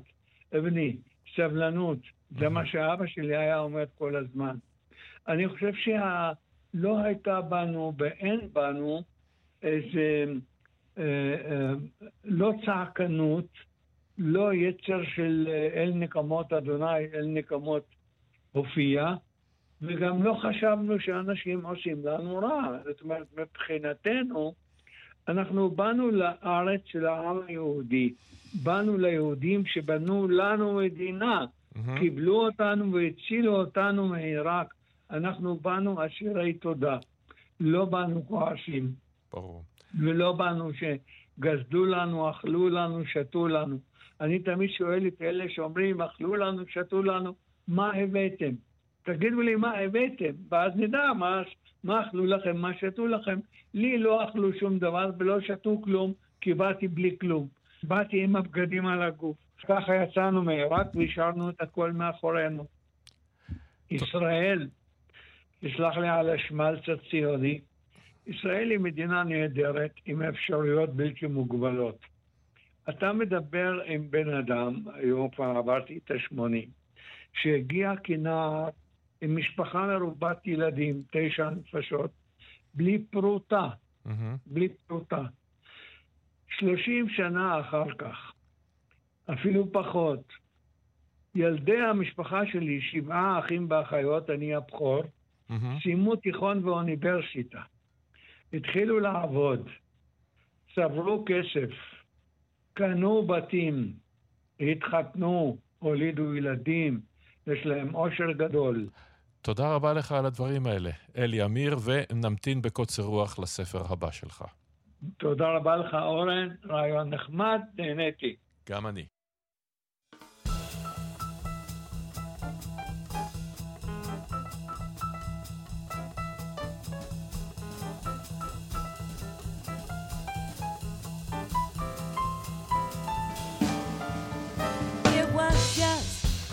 One of those things, just one of those crazy flings, one of those bells that now and then rings, just one of those things. It was just. דניס גורדון הנפלאה שרה את One of Those Things, אחד מאותם הדברים, והיא מגיעה לארץ. בסוף השבוע הבא, ג'אז חם מניו אורלינס בתל אביב, במשכן אומנויות הבמה, שלושה ימים, חמישי, שישי, שבת, סדרת מופעים, שחלק מהם בוודאי כדאי מאוד לשמוע ולראות. הנאה גדולה, אבל אתם יודעים, זה לא סוד שאני מחובבי הג'אז, בעיקר הג'אז של פעם, הסווינג הנפלא הזה. It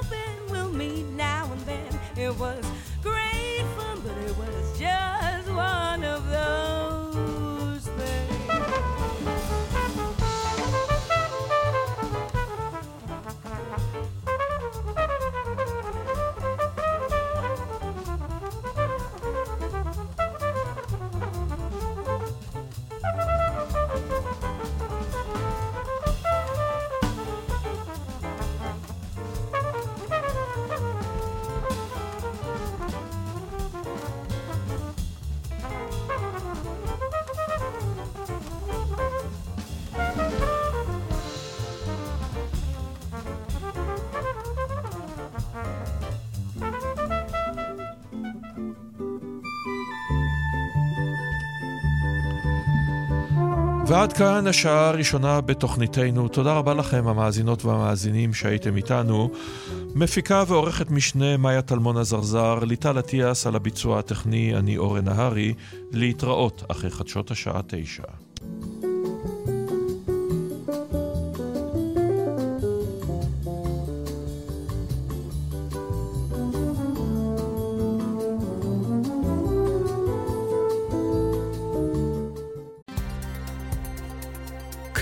רשת ב' אורן נהרי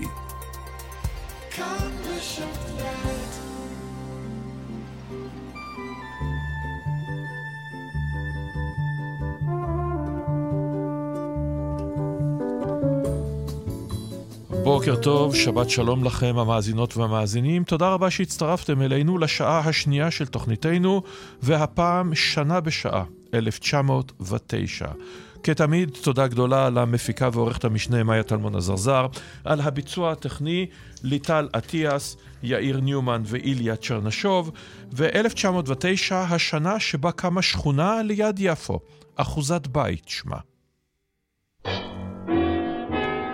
שני בנאים פה אנו, מקהירו הגענו, תנו רק פיתה ובצל כזית. ונבנה לכם אחוזת בית. כאן לבנים הנחנו, שני גרוש מצרי הרווחנו, ובטרם יום יאיר תתעורר תמצא כעיר, משה איתתית תפחושת, שמענה אושה אושה, נבנה את תל אביב. שמי ירוסלבסקי חסיה תלמידת גימנסיה, בבקרים אני תמיד לומדת, קצת חשבון וקצת שירי מלדת. אך את יורד הערב, אהבתי בוערת, עם ילובסקי הפועט, בחולות שמה פלרטט, ביאליק רק שירים תקרא לי, כתונת אל תקרא לי, אתה בתל אביב. אם קרדך וחרב, אנו יוצאים כל ערב, פוחדים הגנבים מיפו, אף מקרה של שוד עוד לא היה פה. כי השומר אמיץ הוא, לערבים מרביצו, אם רואה הוא כאן גנב, הוא צורח אחריו, יאללה, רוב מינו נטלה, שתמות אינשאללה, רק לא בתל אביב. כך תל אביב גודלת, כבר תושבים יש חלק, אין מקום כבר בתמונות של סוסקין, ברחוב הרצל נפתחו שני יוסקים. אך איזה גן חיות פה, כבר אי אפשר לחיות פה. אומניבוס של מעביר מקלקל את האוויר. משה, אל נא אל תחשוש, על אף כאב נבנה את תל אביב, את תל. יוסי חזקיונה המופלאים מתוך ההצגה תל אביב הקטנה, שלום לאילן שחורי. בוקר טוב, טוב שהשמעת את כל השיר. עיתונאי והיסטוריון של תל אביב, ובימים אלה מסיים דוקטורט על תל אביב.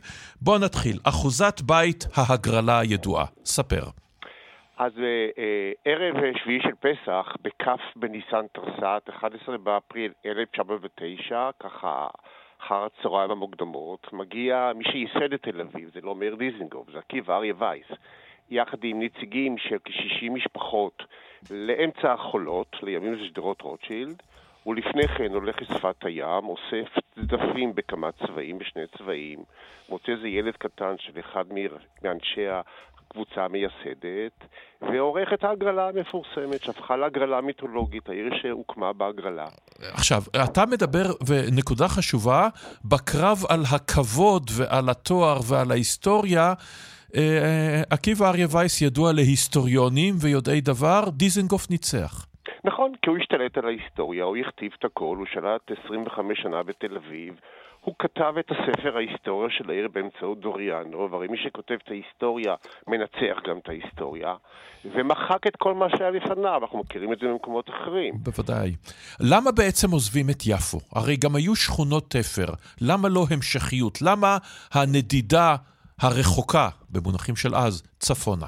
מכמה סיבות. קודם כל, אה, קשה היה ליהודים לחיות בגוש של אה, התיישבות ערבית עם כל המצב הבריאותי ומצב החינוך והשיטות היהודיות שקצת התנגדו לדרך שבו הערבים או המוסלמים חינכו את הילדים שלהם. נכון, בין 1887 ו-1890 הוקמו שתי שכונות חדשות יהודיות נפרדות ביפו, אחת נווה צדק, השנייה נווה שלום.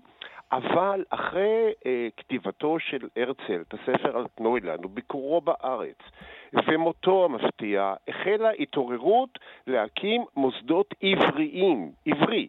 מקום יהודי עברי. ורצה הגורל, ומי שלקח בעצם אה, את החזון של הרצל אה, היה אותו פולני שען, צורף, מלווה בריבית, עקיבא אריה וייס, והוא מתרשם, והוא אומר, אני אגיע לארץ ישראל ואממש את החזון של הרצל מאלטנוילנד. ולפי הזיכרונות שלו ולפי עדויות נוספות, הוא מגיע אה, ב-5 ביולי 1906 ליפו, ובאותו יום, במקרה לגמרי בערב, כנראה זה לא היה במקרה, מתכנסת uh, ישיבה או פגישה של מועדון ציוני שנקרא uh, מועדון ישורון. הבית עמד עד לפני כמה שנים, לפני 30 שנה, אני עוד הספקתי לראות אותו mm-hmm. uh, בסוף שדרות ירושלים, פינת רחוב אילת. ושם הם מקטרים כמה קשה להיות, לחיות ביפו, כמה קשה ליהודים, כמה לא נוח, ועקיבא וייס שרק הגיע באותו יום אמר, אה, תפסיקו לקטר, תפסיקו לדבר דברים, בואו נלך בעקבות הרצל, בואו נעשה מעשה. הם מאוד מתרשמים ממה שהוא אומר, ואתה יודע, כמו שאומרים, אתה מציע, תיקח את זה בידיים שלך. וזה מה שקרה. ו... הוא לקח את זה בידיים שלו, ובכל הידיים שלו. וכבר שבוע לאחר מכן הוא הלך והפיץ ביפו מה שנקרא פרוספקט. Uh-huh. ואתה לא תאמין, אורן, מה הוא כתב בפרוספקט הזה? ביולי 1906. הוא אומר למשל, עלינו לרכוש בהקדם שטח אדמה הגון, שעליו נבנה את הבתים עבורנו, מקומות צריך להיות בקרבת יפו, ויהווה את העיר העברית הראשונה, בה יגורו עברי במאה אחוזים, בה ידברו עברית, בה ישמרו בדר... על הטהרה והנקרון, ולא נלך בדרכי הגרועים, ומשפט שלי קשה להאמין, איך האיש הזה כתב את זה אז. 1906, הוא כמו שהעיר צריך לומר, כשאנחנו מסתכלים היום על שלטי הפרסום והסגנון, אי אפשר לומר בדיוק שזו בהחלט העיר העברית. עברית, אבל זו גם עיר אבל... קוסמופוליטית וגלובלית נכון, ומצליחה. הוא אומר, ב-1906, כמו שהעיר ניו יורק היא מסמנת השער הראשי לכניסה לאמריקה, כן, עלינו להפוך את עירנו להיות בין הזמנים לניו יורק הארץ ישראלית. החזון שלו היה ענק. והוא הצליח בו, בסופו של דבר. תודה רבה לך על הדברים האלה, אילן שחורי. ב-1909 פאול ארליך הגרמני, לזוכרים את הספר הנפלא ציידי החיידקים, מפתח תרכובת לטיפול באגבת. לואי בלריו הצרפתי הוא הראשון החוצה בטיסה את תעלת למאנש. גורדון סלפרידג' פותח את סלפרידג'ס, חנות הקולבו הראשונה בבריטניה, ועדיין בלונדון המספרות ממציאות אופנה חדשה, סלסול תמידי. הפרמננט בא לעולם. ובקצה העולם, קצין צי אמריקני לא צעיר, רוברט פירי שמו, מגיע לקוטב הצפוני. Where the candy canes grow to Santa's home. I dare not go. שם בקוטב הצפוני, אומר השיר הזה, גר סנטה קלאוס. Well, סנטה קלאוס כנראה לא גר שם, אלא בחג המולד, שזה במילא לא בדיוק המורשת שלנו, אבל רוברט פירי הוא הראשון המגיע לשם ב-1909. שלום לנועם סגן כהן. שלום, בוקר טוב, בוקר בוק... טוב אורן ולמאזינים. בוקר טוב, גיאוגרף, מרצה ומדריך גם באזורי הקוטב. אה, קודם כל בואו נתחיל בשאלה, האם רוברט פירי בכלל הגיע לקוטב הצפוני? כי יש קצת ויכוח על העניין הזה. יש קצת ויכוח, זה מה שנקרא understatement, כלומר אה, יש מחלוקת גדולה מאוד כבר הרבה מאוד שנים, למעלה ממאה שנה, האם פירי היה הראשון או אולי אחד מהאחרים, וגם זה ויכוח גדול. הוויכוח, המחלוקת העיקרית היא בין אה, ההישג של פירי mm-hmm. לבין ההישג של אה, חוקר ומגלה קוטב אחר, רופא בשם פרדריק קוק. שהיה, שטען עוד לפני פירי, שהוא-הוא זה שהגיע לקוטב, אחרי שפירי בעצמו הגיע, התחילה מחלוקת גדולה, שלמעשה לא הסתיימה עד היום. יש כאלה שטוענים שזה הגיע, יש כאלה שטוענים שזה הגיע, ויש רבים שטוענים ששניהם לא היו באמת באמת בקוטב, אלא הגיעו קרוב, אה, עשרות קילומטרים, עשרות מייל, אף אחד לא יודע בדיוק, כי אין תיעוד אה, מדויק בדיוק. ואמיתי ומהימם. אין, אין פה את פסגת האברסט שאתה יכול להצטלם, כמובן גם את זה אפשר לזייף באמצעים של היום, אלא הם מגיעים לאזור, ואז הוא יוצא לסדרת מסעות קצרים, ואומר, אני הייתי חייב להגיע לנקודה הזאת במסגרת הזו, והוא חוזר ומצהיר, ומקבלים את הטיעון, ומרגע זה הוא נכנס להיסטוריה, אין מה לעשות. כן, כדאי לציין שקודם כל מאחוריו אה, עומדים רבים, אה, בראש ובראשונה national geographic שהיו כבר אז אה, חברה יחסית ותיקה עם כמה עשרות שנות ותק, הם גיבו אותו, הם מימנו אותו ובסופו של דבר, בעקבות פאנל מומחים שהם מעמידים, קובעים, כן, הוא היה בקוטב הצפוני, ואז הקונגרס מאשר את זה, הקונגרס האמריקאי כמובן, לא אמרנו שרוברט פירי הוא היה מודד, הוא היה מהנדס אזרחי, הוא היה איש חיל הים האמריקאי. הוא השתתף בבניית תעלת פנמה. אכן אכן, והוא uh, בעצם קיבל uh, חותם רשמי של הקונגרס האמריקאי, uh, קיבל בעקבות זה גם uh, דרגה ופנסיה צבאית וכן הלאה, ורק לימים התחילה כל המחלוקת הזאת. Uh, אתה דיברת על uh, לזייף צילום, אז אולי כדאי לציין שחוסר האמינות שמיוחסת למתחרה, לאותו רופא, דוקטור אה, פרדרי קוק, כדאי לציין שהם היו בקשרים אה, חבריים.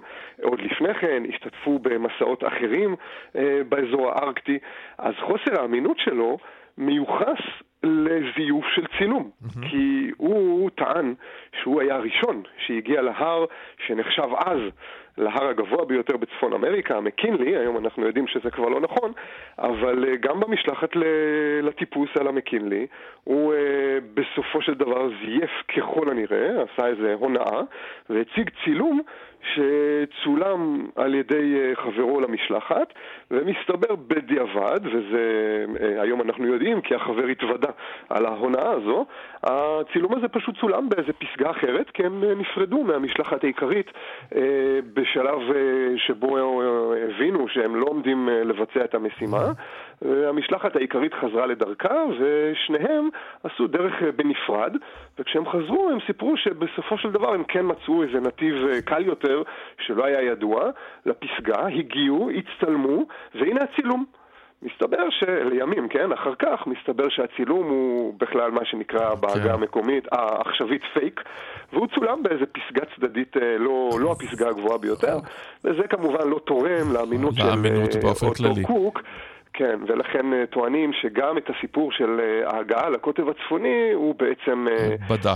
זייף. זאת אומרת, הוא לפחות זייף, אולי גם פירי. צריך לומר לזכותו של פירי שהוא לומד מהילידים. כלומר, אין לו את היהירות של האדם הלבן הקלאסי נדבר על זה כשנדבר על המסע אל הקוטב הדרומי, אה, הוא, אה, הוא לומד מהם את תפירת הפרוות ואת אה, את האיגלויים, את כל הדברים האחרים. הוא לא היחיד בזה, כמובן, אבל הוא מיישם את זה, וזה אחת מסודות הצלחתו. כי צריך לומר שבמשלחות שלו לא נהרגו אנשים, בניגוד למשלחות כה רבות אחרות. זה נכון, אני חושב שלא כל כך יהיה נכון להגיד עליו שהוא לא היה יהיר, כי מספרים לא, שהוא... יהיר מאוד, כן, אבל כן, בתחום הזה הוא מוכן ללמוד. שלו... לגמרי. בעניין המקצועי אומרים שהוא עשה את העבודה בצורה הרבה הרבה יותר אה, אה, מקצועית. הוא תכנן, אולי כדאי להכניס את המאזינים ככה רגע לשיטה, איך עבדו אז. אה, לא היו אז כל, כל הציוד שיש היום, הציוד האיכותי, ביגוד, אוהלים, מזון כמובן, אריזה של מזון, כמובן אמצעי ניווט. כל הדברים האלה לא היו אז, אנחנו מדברים על 1909, ומה שפירי עשה הוא פשוט תכנן משלחת אה, די גדולה, היה להם אה, קרוב ל-700 קילומטר ללכת עד הקוטב, אה, ולכן מה שהוא תכנן זה שמדי קטע מסוים, קבוצה מסוימת של אנשים יעזבו אותם, ויחזרו חזרה, ובעצם למה הם הלכו עד לכאן? כדי לעזור בסחיבת הציוד. אחרי שהקימו איזה איגלו, איזה מין מחסה כזה, והטמינו בו אה, ציוד, מזון ודלק כדי לשמש לדרך חזרה, הם פשוט עוזבים. מתקדמים עוד, אה, נאמר, 50 קילומטר, עוד קבוצה עוזבת. כך עזבו בערך, אה, בעצם חמש קבוצות. הגיעו למרחק של בערך 200-215 קילומטר מהקוטב, okay. אוקיי. משם רק פירי השותף שלו, שמיד נתייחס אליו, הנסון, ועוד ארבעה אה, מקומיים, בני האינואיט, אה, שגם אה, אליהם התייחסת כרגע, ארבעה בלבד, בני אינואיט, פירי והנסון. כלומר, שישה אנשים ממשיכים לצעוד 215 קילומטרים, הם התקדמו בקצב אה, מהיר של כמה עשרות קילומטרים ביום, וההצלחה הגדולה של פירי מיוחסת לעובדה שאחרי שהגיעו לקוטב הצפוני, הדרך חזרה הייתה מרוצפת בחמישה אה, מחסות או איגלויים כאלה, שבהם הוטמן אה, ציוד מספק, גם מזון וגם דלק, וכמובן זה מה שאפשר להם אה, גם לחזור בחזרה, כי כדאי לציין שבעידן הזה הרבה מאוד משלחות ניסו להגיע לקוטב הצפוני, גם לקוטב הדרומי שעליו נדבר בהמשך, ולא הצליחו, או, או. במילים אחרות, לא חזרו. כן, כי כאשר הם לא התכוננו... הנושא הזה של ההגעה והטמנת אה, אה, אה, מחסנים אה, עם מזון בעיקר, וגם דלק, דברים אחרים, אה, זה יהיה דבר קריטי, ההכנה הזאת מראש, אגב, גם בטיפוס להימאליה. ודיברנו על הנסון, שהוא המשרת האישי שלו, הוא פוגש אותו בחנות, אה, אדם שחור, שהיה קריטי בהכנת ובניהול כל, ה, אה, כל המשלחות האלה של פירי. כן, כדאי לציין שהוא היה אכן אפרו-אמריקאי, נולד במרילנד, וההיכרות ביניהם הייתה מקרית. הם אה, נפגשו במהלך איזשהו מסע קניות או הכנות mm-hmm. שפירי עשה לקראת משלחת הקוטב. הוא פגש אותו בכלל בחנות, הוא mm-hmm. עבד כזבן בחנות שמכרה טקסטיל, אני חושב בעיקר כובעים, ופירי מאוד מאוד התרשם מהידיעות שלו, מה, מהדמות שלו, כי מסתבר שהוא מאוד התעניין בתחום, הוא גם יצא לו להיות כמה שנים בים וכן הלאה, ובסופו של דבר הם יצאו ביחד, קודם כל למשלחת בגרינלנד, כן. באזור הארקטי, זה שנים רבות לפני כן, ב-1886. הם באמת למדו שניהם הרבה מאוד מבני האינואיט, ובסופו של דבר הנסון יוצא איתו אה, למסעות אה, אל הקוטב, וללא ספק הוא, הוא דמות מאוד מאוד מאוד אה, משמעותית כן. במסע הזה.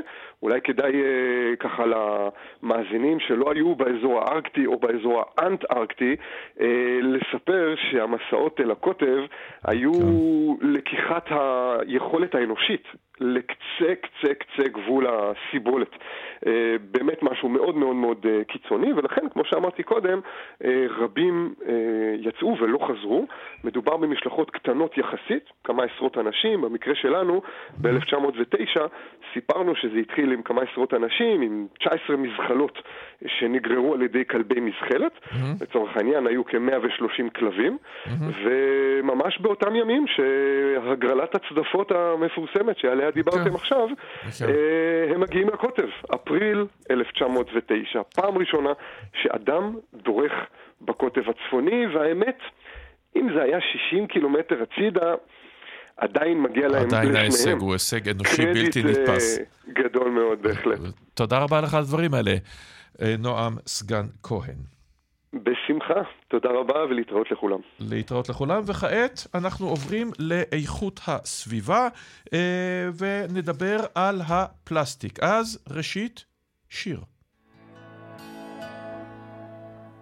This is an open letter from you and me together. Tomorrow's in our hands now. Find the words that matter, say them out loud. I make it better somehow. שיר אהבה לכדור הארץ. וב-1909 הקימאי האמריקני ליאו בקלנד מציג את הבקלית, החומר הפלסטי הראשון שכולו מלאכותי. שלום ליהל עצמון. שלום אורן. קימאית ואשת חינוך ממכון דוידסון לחינוך מדעי. בואי נתחיל עם שאלה קצת אה, אה, מטופשת אולי. מהו בעצם פלסטיק? כי אני ידעתי שפלסטיק מופק מנפט, והנה פה אני מקריא שזה החומר הפלסטי הראשון שכולו מלאכותי. אז איך אנחנו מגדירים פלסטיק? אז פלסטיק אה, באמת אה, מדבר על קבוצה מאוד מאוד גדולה של חומרים. Mm-hmm. שהם כולם, מה שאנחנו קוראים בשפת הכימאים פולימרים, כלומר בנויים כשרשראות מאוד ארוכות, מיחידות שחוזרות על עצמן. ולפני הפלסטיק הסינתטי, לפני הבקלית, היו פלסטיקים שבאמת אה, ייצרו אותם מפולימרים טבעיים שעברו שינויים כימיים, חצי, מה שאנחנו קוראים חצי סינתטיים, אה, אבל בקליט הוא הפלסטיק הראשון שבו ניגשו בעצם למעבדה, ערבבו שני חומרים שכל אחד מהם הוא יחידה יחסית קטנה, ובצורה הזאת יצרו שרשראות ארוכות. אה, ומשם נפתח כל תקופת הפולימרים, שהיא התקופה שבה אנחנו חיים עתה, תקופת הפלסטיק. אה, כן, אפשר להגדיר את התקופה שאנחנו חיים בכמה הגדרות, אבל תקופת הפלסטיק זה גם אחת מהן. עכשיו, מה היתרון הגדול של הפלסטיק? מדוע הוא אופף את חיינו עד כדי כך בכל מקום שאנחנו נמצאים בו? יש לו אה, הרבה מאוד יתרונות. קודם כל, המחיר, אנחנו מדברים על חומר שמאוד מאוד זול להפיק אותו. אה, בעצם הפלסטיק החצי סינתטי שהופק לפני הבקליט, הצלוליד, אה, החליף אה, חומרים טבעיים כמו שנהב, אה, גם, גם הבקליט החליפה בעצם הייתה הסיבה שהתחילו לחפש אותה מחסור בכל מיני חומרים טבעיים. ופה אנחנו מדברים על קבוצה שלמה של חומרים שמאוד מאוד זול לייצר אותם, mm-hmm. ולכן אפשר לייצר אותם בכמויות מאוד גדולות, ויש להם מגוון שלם של תכונות. אנחנו יודעים לשלוט היום בפלסטיק בצורה כזאת שאנחנו יודעים לייצר פלסטיק אה, חסר צבע, בעל צבע, אטום, צלול, עמיד בטמפרטורות גבוהות יחסית, שקל מאוד לייצר, לשנות את הצורה שלו, שאפשר לשנות את הצורה שלו בחום, שאפשר לשנות את הצורה שלו בשיטה כימית, שאפשר להגן עליו מהשמש. אז יש לו מגוון מאוד מאוד רחב של תכונות, בהתאם לצורך שאנחנו רוצים לעשות בו שימוש. אה, ולכן הוא באמת החליף הרבה מאוד חומרים אחרים שהם או יקרים או לא גמישים בתכונות שלהם כמו שהפלסטיק. זאת אה, אומרת, את אומרת בעצם זה שהוא רב-תכליתי כמו איזה אחד מגיבורי העל המשנה את צורתו כל הזמן, בגלל זה הוא יכול להיות מאוד מאוד יעיל בהחלפת ממתכות, כולל נדירות מצד אחד, ועד דברים שהזכרת את השנהב, שכמובן אף אחד מאיתנו לא רוצה בהכחדת ה... אה, הפילים, הקרנפים וכל האחרים אה, מצד שני. בגלל זה הוא משמש בכל, בכל דבר כמעט שאנחנו נוגעים בו? נכון. יש לו תכונות, למשל, תכונת הולכת החשמל, שהוא לא... שאין לפלסטיק, הוא מבודד מאוד מאוד טוב, אז הוא לא יכול להחליף את כל החומרים, ברור. לכן אנחנו עדיין משתמשים במתכות להולכת חשמל. כמובן, יש בזה מאוד... גם יתרון שהוא מבודד טוב. נכון, אה, וזה בהחלט אחד השימושים הראשונים שעשו בקליט, היה באמת כחומר בידוד. אה, וכן, הגמישות האינסופית הזאת של תכונות, והעובדה שהוא עמיד ולא שביר כמו זכוכית, והעובדה שאפשר לשנות את הצורה שלו מאוד בקלות, הרבה יותר מאשר נגיד עץ. אז באמת אפשרה אה, להחליף אה, הרבה מאוד חומרים טבעיים ששימשו עד עכשיו, אה, כולל דברים שאנחנו היום מסתכלים עליהם ונראה לנו מאוד הגיוני, שאנחנו לובשים בגדים שעשויים מפלסטיק. Mm-hmm. רוב כל הבדים הסינתטיים הם בעצם פל... מגיעים מתוך משפחת הפלסטיקים. בעצם החליפו תחום שלם של אורות חומרי טבע כמו כותנה. אה, אז כן, כל השוני הזה באמת אה, מאפשר והפך את הפלסטיק כל כך מרכזי. כמה פלסטיק מיוצר היום בעולם וממה? האם באופן מלאכותי או שזה מופק מנפט או מדברים אחרים? אז גם כשאנחנו מדברים על הפקה מנפט, אנחנו באמת מדברים על זה שאנחנו לוקחים דברים, בעצם כשאנחנו מוציאים נפט מהאדמה, אנחנו מקבלים תערובת של הרבה מאוד דברים, אנחנו צריכים להתחיל להפריד אותה.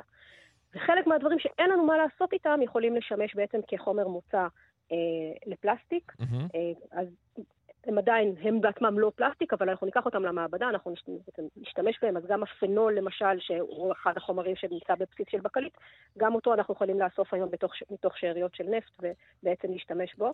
אז הנפט הוא בהחלט אחד מהמקורות לחומרי המוצא, אבל גם חומרים טבעיים, אנחנו יודעים היום לעשות פלסטיק מתירס, אנחנו יודעים היום לעשות פלסטיק באמת מהרבה מאוד, בעצם לצאת מהרבה מאוד חומרים. אחת המחשבות בעצם על איך אפשר לייצר אה, פלסטיק שמתכלה יחסית בקלות בסביבה, היא כך שחומרי, בעצם החומרי היסוד של הפלסטיק יהיו מהסביבה. העלית את הנושא הזה של המחזור, שזה נושא קריטי. אנחנו עכשיו קוראים על הסכנות, אנחנו רואים את האיים של, של אה, עשרות או מאות קילומטרים מרובעים בכל אוקיינוס של פלסטיק. אנחנו שומעים על מיקרו-פלסטיק שחודר אל תוך אה, המערכות שלנו, של בני אדם, של כל האנושות. ממה זה בעצם נובע? מדוע אי אפשר למחזר פלסטיק? אז כיוון שאנחנו מדברים על חומר סינתטי, אה, לא התפתחו באבולוציה מערכות ביולוגיות שיודעות לפרק אותו. אוקיי? בניגוד לחומרים טבעיים שהתפתחו יחד עם החומרים שיודעים לפרק אותם ולהחזיר אותם לחומרי המוצא, בעצם מערכות של חיידקים, מערכות של פטריות שיודעים לקחת את החומרים האלה ולפרק אותם ולהחזיר אותם כך שאפשר יהיה להשתמש בהם בצורה מעגלית בטבע. פלסטיק כחומר סינתטי עדיין אין לו אה, מערכות, אם כי התגלו אה, חיידקים או חולי פלסטיק באיזה מזבלה ביפן. אה, ומנסים ככה לפתח אותם לטובת זה שהם ידעו לפרק יותר ויותר פלסטיקים. אה, ובאמת התוצר של העובדה שאין מערכת שיודעת לפרק אותם זה שהפלסטיק הולך ומצטבר. אה, ואנחנו לא יודעים כל כך מה לעשות איתו, ולכן הוא בסוף, חלקו גם הפלסטיק שמתפורר, ואנחנו כבר לא רואים אותו בעין, הופך לאותם חלקיקי מיקרו-פלסטיק, חלקיקים מאוד מאוד קטנים, חלקם מגיעים גם מתעשיות הקוסמטיקה שמשתמשת בחלקיקי פלסטיק מאוד קטנים בתוכה, oh. והם נספגים כמו שאמרת, לגופנו, וכמובן לגופם של בעלי חיים וצמחים נוספים, לא רק אצלנו אפשר למצוא מיקרופלסטיק, גם אצל הדגים בים ואצל כל שרשרת המזון משם והלאה. ומה עם אה, האפשרויות לפתח? הרי אה, נכון שזה נושא די חדש, כלומר כמה עשרות שנים, אבל עוסקים בכך, של, אני יודע מה, מחיידקים ועד אה, מולקולות שיעזרו בפירוק הפלסטיק למרכיבים הבסיסיים שלו? אז יש שתי תפיסות לתוך הנושא הזה. תפיסה אחת היא באמת לחפש מערכות שיש להן איזושהי יכולת בסיסית ראשונית מאוד אה, לפרק פלסטיק כמו אותם חיידקים אה, שנמצאו במזבלה יפנית, ומשם לנסות לגרום להם לעבור אבולוציה יותר מהירה, כך שהם יוכלו לפרק פלסטיק בקצב גבוה, בקצב שבו אנחנו בעצם מייצרים וזורקים פלסטיק. אה, אז זו אפשרות אחת, של בעצם לחפש מערכות כאלה ולשפר אותן בכדי שהם יוכלו לעשות. האפשרות השנייה היא מראש לייצר פלסטיק שיש לו מערכות ביולוגיות קיימות, למשל פלסטיק מבוסס צמחים, וזה בעצם רוב הפלסטיק שאנחנו מכירים, פלסטיק מתכלה, כל הכלים החד פעמיים, או מרבית הכלים החד פעמיים מפלסטיק, שגם יודעים לעבור התקלות, הם כאלה שיש להם מערכות חיידקיות שיודעות לפרק אותם, כי הם מראש נבנו מחומרים ביולוגיים, ולכן אפשר למצוא בקלות יחסית מערכות שידעו לפרק אותם ולהחזיר אותם לטבע. ובאמת אחת המגמות היא לנסות לייצר אה, צמחים שגדלים מהר, שמהם בעצם נפיק את חומרי המוצא לפלסטיק, ואחרי שנגמור להשתמש בו נחזיר אותם לטבע בכדי שהמערכות החיידקיות יוכלו לפרק אותם ובעצם להוות דשן לצמחים חדשים שימשיכו את המעגל הזה. אה, אז זו חשיבה אה, באמת שנעשית אצל הרבה מאוד חברות, כולל חברות ישראליות שמפתחות פלסטיק שמתפרק מאוד בקלות. מתי את צופה, מקווה, שכל הפלסטיק יהיה פלסטיק הניתן לפירוק, כי זה יהיה באמת פריצת דרך שתשנה מהותית את, את נושא איכות הסביבה בעולם כולו. אז אני מודה שקשה מאוד לצפות מתי זה יקרה, כי אנחנו באמת מחכים לאיזושהי פריצת דרך, או לפריצת דרך משמעותית שתוכל להחליף אה, תחומים רבים של פלסטיק, כי דיברנו על הגמישות ועל התכונות הרבות של פלסטיק, בדרך כלל לפלסטיק שמתפרק בטבע יש יש מגבלות של תכונות, אנחנו למשל לא, לא כך יודעים לעשות אותו שקוף לפעמים, ואנחנו לא יודעים לעשות אותו אה, מספיק דק, בכדי שהוא ייתן לנו את הגמישות הפיזית שאנחנו רוצים שהוא ייתן. אז קודם כל אנחנו צריכים או איזושהי פריצת דרך שתאפשר לנו להחליף את רוב הפלסטיקים, או לחלופין הרבה פריצות קטנות, הרבה סוגים של פלסטיק, אה, ובסוף זה יושב הרבה על אה, לחץ צרכנים. אה, ככל שצרכנים ידרשו את זה יותר, ידרשו להשתמש במחזורי פלסטיק ופחות פלסטיק חדש ויותר פלסטיק שאפשר לפרק אותו, כך אנחנו נראה את זה קורה יותר מהר. זה מהצד הצרכני, אבל כמובן חלק גדול ממי שמשתמש בפלסטיק בצורה הכבדה ביותר, אלה חברות ענק ותעשיות, נכון. ועליהן קשה הרבה יותר ללחוץ. נכון, ופה נכנסים ענייני הרגולציה, וכרגע זה נראה שזה, יחד עם ענייני אה, משבר האקלים, לא נראה ש, שזה נמצא בוער למישהו בעולם הגדול, אה, אז אנחנו כרגע עוד לא רואים אה, תנועה מספיק חזקה בנושא הזה, ואני לא, לא צופה את זה קורה, אה, אלא אם כן זה באמת יבוא יחד עם שינויי בתפיסה של ייצור חומרים נכון, באופן כללי. והפתרון בסופו של דבר יכול לבוא, וכנראה שסביר שיבוא ממדענים שייתנו את דעתם על הנושא הזה ויביאו לאיזושהי פריצת דרך. מדענים ומהנדסים ומהנדסי כימיה. וככל שירבו, יש יותר סיכוי שכך נצליח למצוא את הפתרונות. תודה רבה לך על השיחה המרתקת הזאת, יהל עצמון ממכון דוידסון לחינוך מדעי. בשמחה רבה, אורן, תודה. ואם מישהו תהה לגבי ממדי התופעה, שימו לב לנתונים הבאים. ב-1950 יוצרו בעולם 2 מיליון טון פלסטיק. בשנה שעברה, 390 מיליון טונות פלסטיק, ובשנת 2050, על פי הערכה, מיליארד וחצי.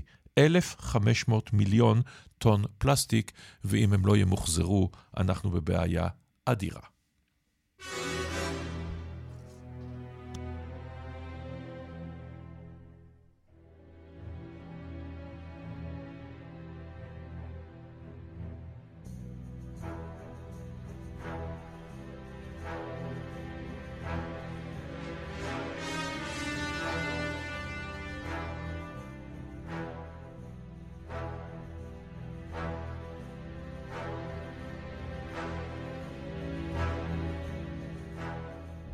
המנגינה הזו אני מניח שלא ממש היה צריך להציג. כן, לא התבלבלתם.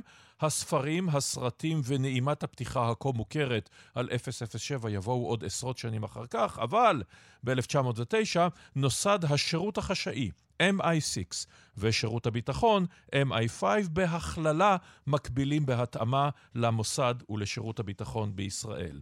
שלום לפרופסור שלמה שפירא. שלום.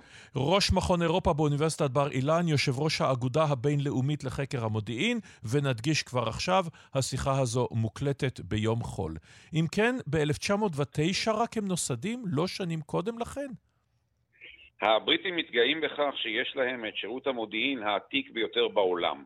וכאשר הם אומרים את זה, הם מתייחסים לכך שכבר במאה ה-16, במאה ה-17, בתקופת המלכה אליזבת הראשונה, בזמן ההתקפה של הארמדה הספרדית, היה להם שירות מודיעין. אך מה שהבריטים עשו במשך מאות שנים, כאשר הייתה סכנה צבאית או מלחמה, הקימו שירות מודיעין לכמה שנים בודדות, וכאשר הסכנה הזו חלפה, שלחו את האנשים הביתה.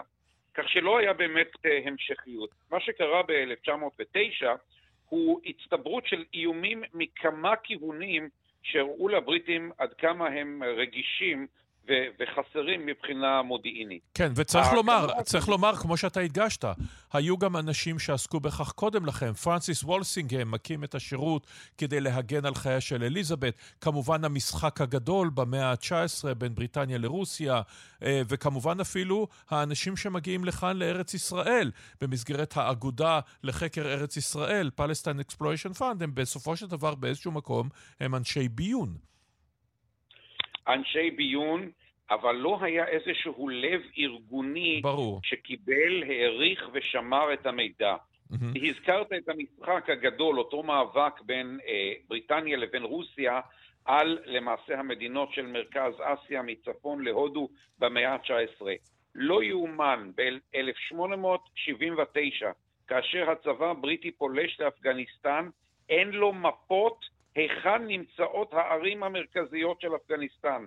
הכוחות צריכים לחפש, לחפש. היום, היום כשאנחנו מסתכלים היום מה עומד לרשות הצבא, אה, אה, מיפוי של חלונות של בניינים, קשה לנו להאמין שחיפשו את קנדהר וחיפשו את ג'לאלבאד אה, ממש בהרים של אפגניסטן. ומה... ובאיזשהו מקום... כן, הבריטים וכ... מבינים שצריך להקים לא רק מרגלים שהיו להם כל הזמן, אלא ארגון שישמור ויעבד את המידע לתמיד. למה הם נקראים... וזה שהגיע ב-1909. למה הם נקראים MI? מאיפה ראשי התיבות האלה? MI זה ראשי תיבות של Military Intelligence. ולמעשה שני הארגונים הבריטים הגדולים, MI5 ו-MI6, אה, קמו ב-1909 באותו חדר, כאשר אה, שיתוף פעולה נדיר של האדמירליות הבריטית, הצבא הבריטי ומשרד החוץ, שלרוב לא אומרים בוקר טוב אחד לשני, החליטו שצריך להקים ארגון מודיעין משותף, זה היה נקרא אז Secret Service Bureau, או משרד השירות החשאי, ושמו שם שני קצינים. קצין מבוגר יחסית לאותה תקופה, אה, אה, קברניט בצי בשם מנספילד קאמינג, וקצין צעיר מן הצבא, בן 36, ורנון קל. ורנון קל נבחר בגלל שהוא ידע גרמנית, והתפיסה שהאיום הגדול מגיע מגרמניה. קאמינג נבחר בגלל שהיה איש העולם הגדול, איש שנסע הרבה, הכיר את העולם, הכיר אנשים, וגם שניהם, צריך לומר, היו מן החברה הגבוהה של אה, בריטניה, מקרב האצולה, דבר שלמעשה אפיין את שירות המודיעין הבריטי בחמישים שנה הראשונות לקיומו. ו... שני אנשים, חדר אחד, אה, ושכחתי, נתנו להם גם שרת כדי שיהיה מי שינקה ויסדר את התיק. בסופו של דבר, ג'נטלמנים, כמו שאמרת, והמיתוס אומר שמנספילד, בגלל שהוא מנספילד ומתחיל באות אם, יהיה הכינוי אם לימים. עכשיו, המיתולוגיה של השירות החשאי הבריטי, או השירותים האלה בעצם, היא מיתולוגיה עשירה מאוד, בין השאר, בגלל כל הסדרות, הספרים, הסרטים, עד כמה הם בעצם היו טובים, באמת, כארגוני ביון. צריך לומר עד כמה הם היו טובים מול אופי ורמת האיום שהייתה. צריך לזכור, 1909 בריטניה היא המעצמה העולמית. Mm-hmm. לא מעצמה עולמית, המעצמה העולמית. נאמר שעל הממלכה הבריטית באותה תקופה לא שקעה השמש. כלומר, הם שלטו גם בכל כל חלקי כדור הארץ, על רבע מהאנושות. האי הקטן הזה, בריטניה, כן. שלט למעשה רבע האנושות. באפריקה, באסיה, בצפון אמריקה וכן הלאה. האיומים היו גדולים, אבל uh, המטרות היו קטנות. כאשר הקימו את MI5 ואת MI6, המבט היה כלפי גרמניה. היה חשש מההתחמשות, בעיקר ההתחמשות בצי, בצי הגרמני. כן. הקייזר הגרמני בנה צי גדול שאיים על היכולת של בריטניה להיות בקשרים אה, ולספק את האספקה לאימפריה, והם אה, התחילו לחפש מרגלים גרמניים. אה, הוא באמת אחת ההצלחות הראשונות, שהייתה מאוד קטנה, של ורנון קל, שאחר כך נהיה MI5, השב"כ הבריטי, היא הייתה לתפוס רשת קטנה של מרגלים גרמניים שריגלו בתוך בריטניה על בנייה של ספינות מלחמה של הצי. ומתוך כך הם, שני החבר'ה האלה יכלו להראות הצלחה ראשונה, ואז לקבל יותר תקציבים, יותר אנשים, להתחיל לבנות תורה של עבודת אה, שירות מודיעין, אבל עדיין צריך לזכור, חמש שנים אחרי, ב-1914, כאשר פורצת מלחמת העולם הראשונה, בביון הבריטי עובדים 16 אנשים. כלומר, אנחנו לא מדברים על אה, שירות שיכל באמת באמת את האינטרסים שלו. אבל אם אנחנו מסתכלים לאורך השנים, לא רק 1909, אלא נפליג בשנים. במלחמת העולם השנייה, צריך לומר, הצלחות אדירות. אה, אף מרגל גרמני לא פעל, בוודאי לא לזמן ארוך, בבריטניה, ו- ורבים מהם הוכפלו, אה, ואני, והם השתמשו ברשתות שחלקם רשתות מקומיות, היו להם הרבה מאוד אבדות, כן, האנשים והגברים שנצלחו והוצנחו לאירופה, אבל אם אתה מנסה להכליל ממבט של מאה שנים כמעט אחר כך, אה, גם לאורך השנים, גם במלחמת העולם השנייה וגם במלחמה הקרה. עד כמה הם היו טובים ויעילים, חלק מזה זה גם שיתוף פעולה עם בנות ברית ובדברים אחרים, ועד כמה מדובר במיתוס, כי קראנו יותר מדי את, uh, על ג'ורג' סמיילי ועל ג'יימס בונד. אני חושב שהאמת מאחורי כל הסיפורים היא גם וגם. כלומר, הם בהחלט היו טובים במה שהם עושים, וגם היום נחשבים כדוגמה לשירותים אחרים. אבל uh, הרבה פעמים הם נפלו קורבן לאותן בעיות שבריטניה סובלת ממנה באופן כללי, וזה זלזול ביריב, תחושת עליונות, uh, שאפילו התבטאה בברקסיט האחרון עכשיו, והרצון של בריטניה להיות לבד, כי היא, היא יותר טובה. Um, הזכרת הצלחות במלחמת העולם השנייה, בהחלט הצלחות מעולות שעליהן נכתב הרבה, גם בתקופת המלחמה הקרה, הבריטים אה, הצליחו לזהות וגם לעצור חלק גדול מן המרגלים הרוסים שפעלו בתוך בריטניה. כלומר, בתחום של ריגול נגדי, או מה שאנחנו קוראים בישראל ריגול מסכל, אה, לסכל את הפעולות אה, של היריב, הם היו טובים מאוד. הם היו פחות טובים בלהשיג את הסודות של מדינות אחרות. אנחנו רואים למשל שהמודיעין הבריטי לא הצליח לתרום הרבה לפלישה שלהם למצרים ב-1956, היו בעיות גדולות של מודיעין גם בשנים האחרונות באפגניסטן וגם באיראן לפני כ-20 שנה. אה, כך שהמודיעין לא, לא לגמרי סיפק את הצרכים ברמה האסטרטגית, אבל ברמה הטקטית אין ספק שהיו הרבה הרבה הצלחות. ואם אנחנו מסתכלים על הכישלונות הנוראים של MI5, האמת, MI6 המפורסם שבהם לא יעזור, חמישיית קיימברידג' ואחרים, כלומר, אנשים שגויסו לשירות הביון, וגם ג'ורג' בלייק ואחרים, למרות נורות אזהרה איומות ונוראות, ולא נתפסו במשך שנים רבות. זאת אומרת, כישלונות של שני השירותים. אני לא הייתי אומר, לא הייתי רואה את זה ככישלון כזה גדול. אמ, שיא הפעילות של אותם חמישה מרגלים שפעלו עבור הקג"ב בבריטניה הייתה במהלך מלחמת העולם השנייה. אה, תפסו וזיהו את מרביתם בשנות החמישים, כלומר הרבה הם לא הספיקו אה, לפעול אה, אחר כך. נכון שזה היו שנים קריטיות מכיוון שעליית הנשק הגרעיני, הפיתוח של הפצצה okay. הגרעינית באותם שנים, אה, אפשרה כמובן לברית המועצות לעמוד באותה שורה כמו ארצות הברית. אבל הנזק שנגרם, אולי במבט מהיום, נגרם נזק יותר מתפיסתם מאשר מפעולתם. ואינני טועה, זה היה אחד מ... אני חושב שזו הייתה מרגרט תאצ'ר, או אחד מראשי הממשלה האחרים בבריטניה בתקופתה, שאמרו, מרגל כאשר תופסים אותו, הוא יוצר הרבה יותר בעיות מאשר כשהוא פעל. תודה רבה לך על הדברים האלה, הפרופסור שלמה שפירא, הדברים מרתקים, ועוד נשוב ונדבר כמובן, אה, כשנתקדם במאה ה-20 אל הדברים הכה מרתקים האלה, כמובן הספרים והסרטים. הפרופסור שלמה שפירא, ראש מכון אירופה באוניברסיטת בר אילן ויושב ראש האגודה הבינלאומית לחקר המודיעין, והשיחה הוקלטה ביום חול. תודה רבה. ואנו חוזרים לישראל, לארץ ישראל, אל דגניה.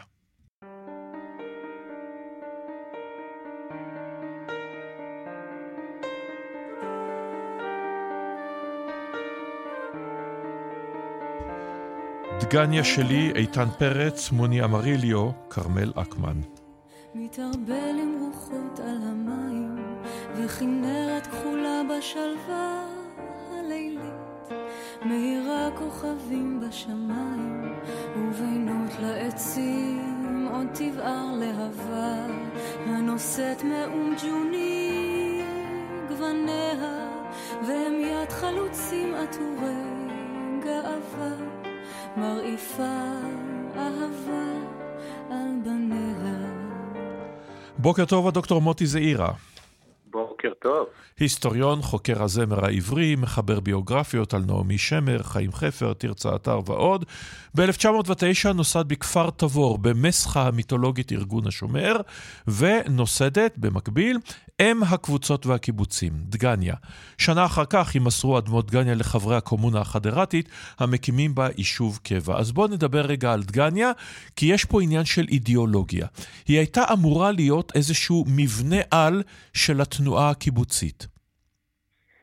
לא הייתי אומר מבנה על, אלא מה שאפשר להגיד על דגניה, קודם כל היא הייתה מז'אנר מאוד מסוים של אה, קיבוץ, כלומר הם היו מה שלימים יקראו קבוצה אינטימית, קבוצה קטנה, זאת אומרת כשדגניה, ראשון הקיבוצים, אה, עולה, אז היא נקראת קבוצה, והיא באמת מתכוונת לגודל כזה, מה שאחרי זה יבחין בין תנועות קיבוציות שלמות שהתפתחו בסוף שנות ה-20, גם בין היתר לפי גודל, ה- לפי גודל הקבוצה.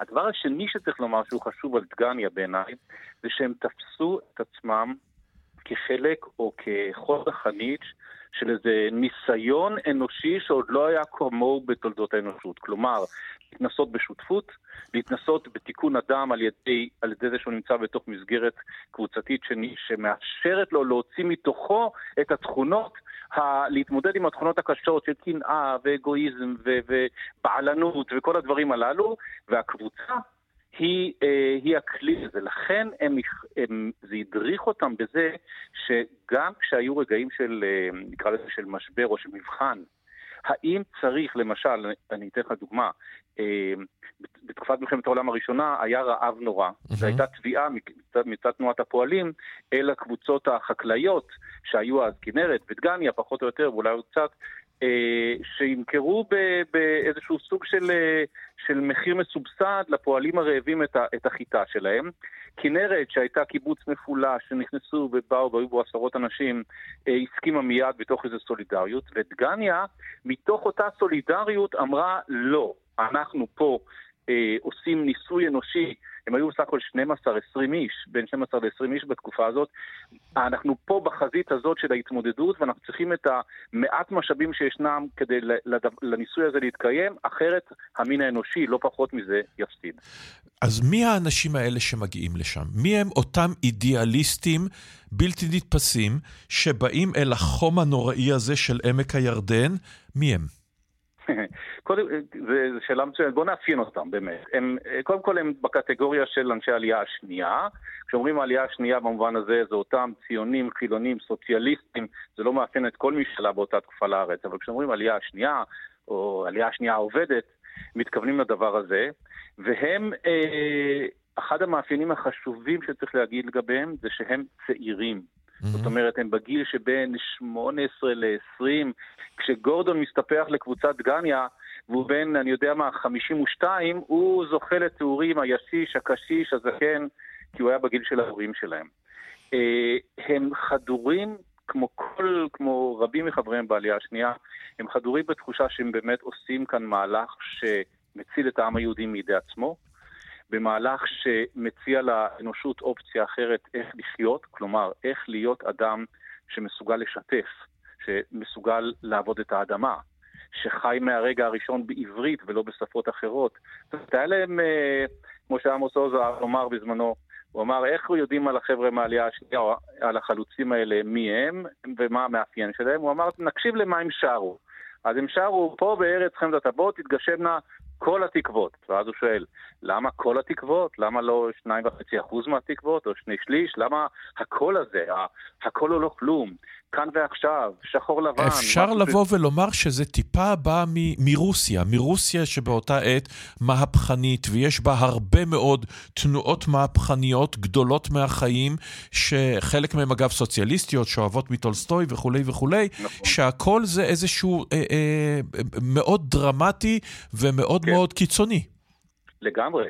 תראה, זה בעצם, זה יפה, זה טוב שאתה מרחיב את היריעה ככה, עושה זום, זום אאוט, כי בעצם בסוף המאה ה-19, ראשית המאה ה-20, זה זמנן של האידיאולוגיות הגדולות, שבאות יד ביד עם קריסה של הדת הממוסדת וכל מה שהיה סביבה, זאת אומרת, האידיאולוגיה עבור רבים מהם, ובמיוחד עבור אנשי העלייה השנייה, הייתה סוג של uh, תחליף לדת שהם נטשו, כי הם מרדו בה, ואפילו במקרים רבים למהלך הקהילתי והמשפחתי שהם עזבו באקט העלייה הדרמטי לארץ, ועל כן האידיאולוגיה שימשה עבורם איזה סוג של, אה, גם של בית, גם של אה, מסגרת רעיונית שמארגנת את העולם, וגם של מענה למצוקות הכי בסיסיות של מי החברים שלי ואיך אני נתמך ברגעי קושי. ולימים בדגניה יהיה גם אה, שבר שמזוהה עם דמותו של אדם שהיום הוא מוכר באמת ליודעי חן, ואתה בהחלט ראש וראשון להם. שלמה משיח, המעבר לעין חרוד, זה יהיה אה, נקודת מפנה בתנועה הקיבוצית כולה בעצם.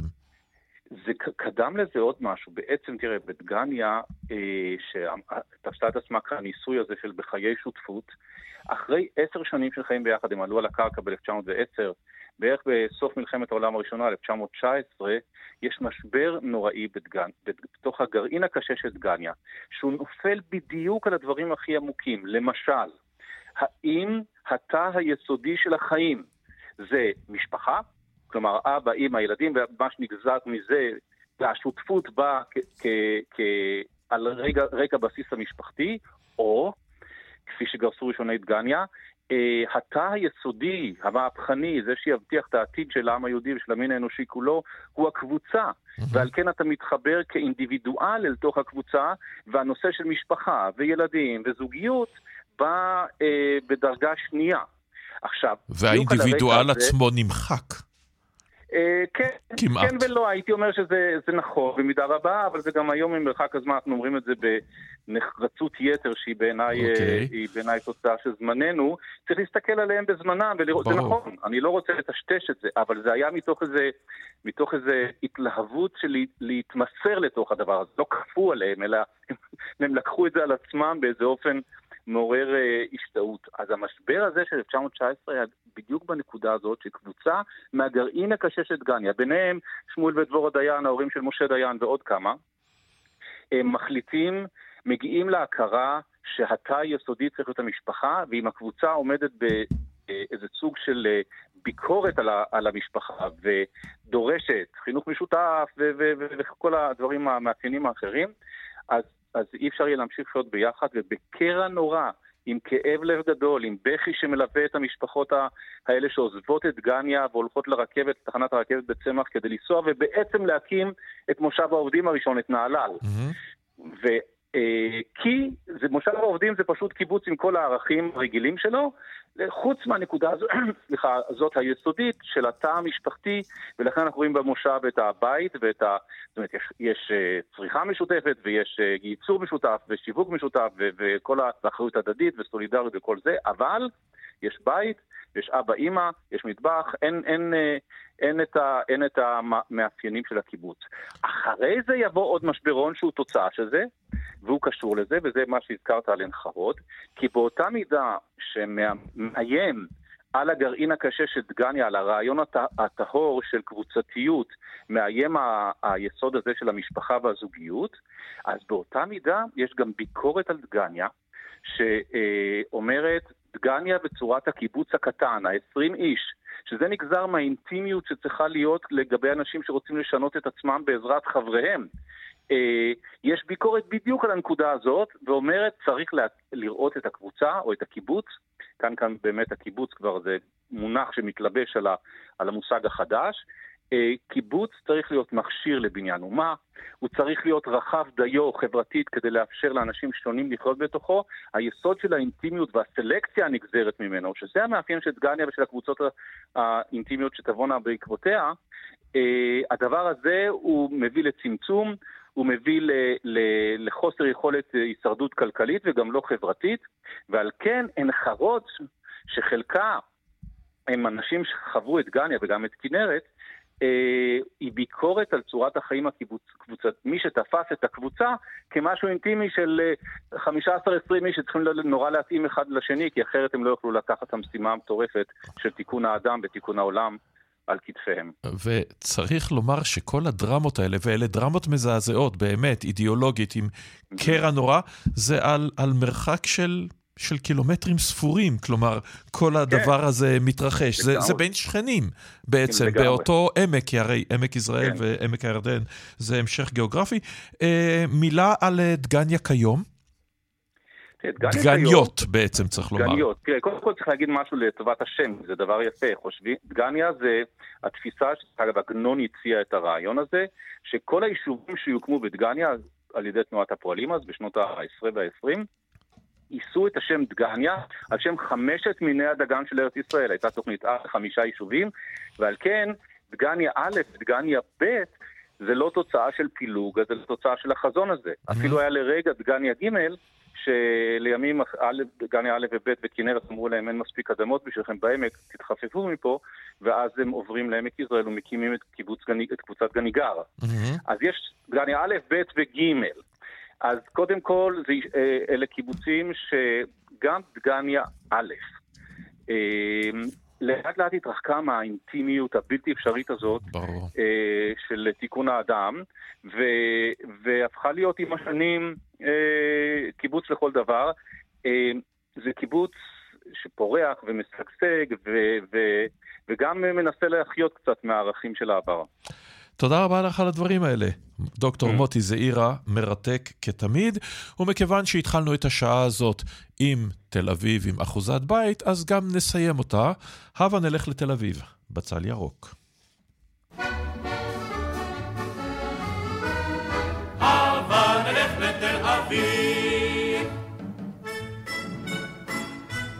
עמוס אטינגר ויוסף אורן. שם ברחובות מלאי המון, עגלון וסוס בצד שוסון, ובלילות אורות נאון בתל אביב. בחלונות הרעבה זולים כמה על להבה, בצפון העיר שיכון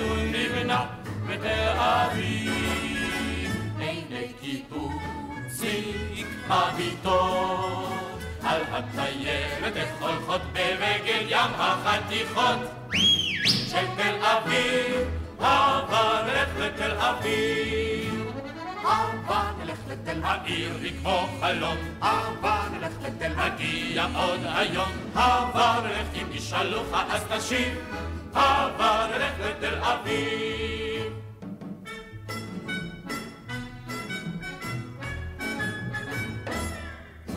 על כל טרסה או בלקון, דוברים בערב לקסיקון, סירות שטות על הירקון, או סולמיות. עם בית הספר מן הגן, רבו התלמידים מזמן, מהם של בני טובים לאן, בתל אביב. האוטובוסים מוטסים, יורדים חולים ונכנסים, היזהרו מקייסים. בתל אביב, הבה נלך לתל אביב. הבה נלך לתל העיר היא כמו חלום, הבה נלך לתל נגיע עוד היום, הבה נלך אם ישאלוך אז תשיב, הבה נלך לתל אביב.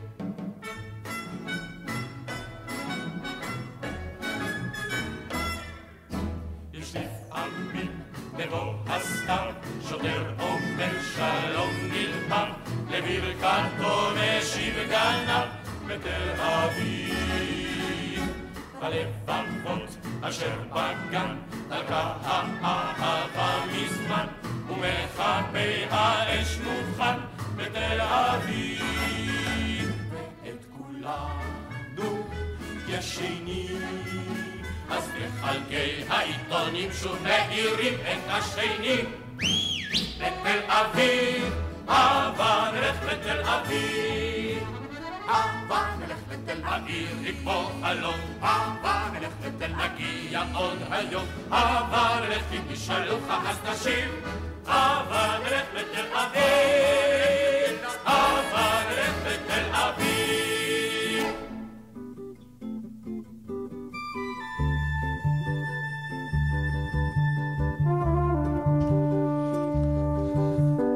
ועד כאן תוכניתנו, תודה רבה למפיקה ועורכת המשנה מאיה טלמון עזרזר, לליטל אטיאס על הביצוע הטכני.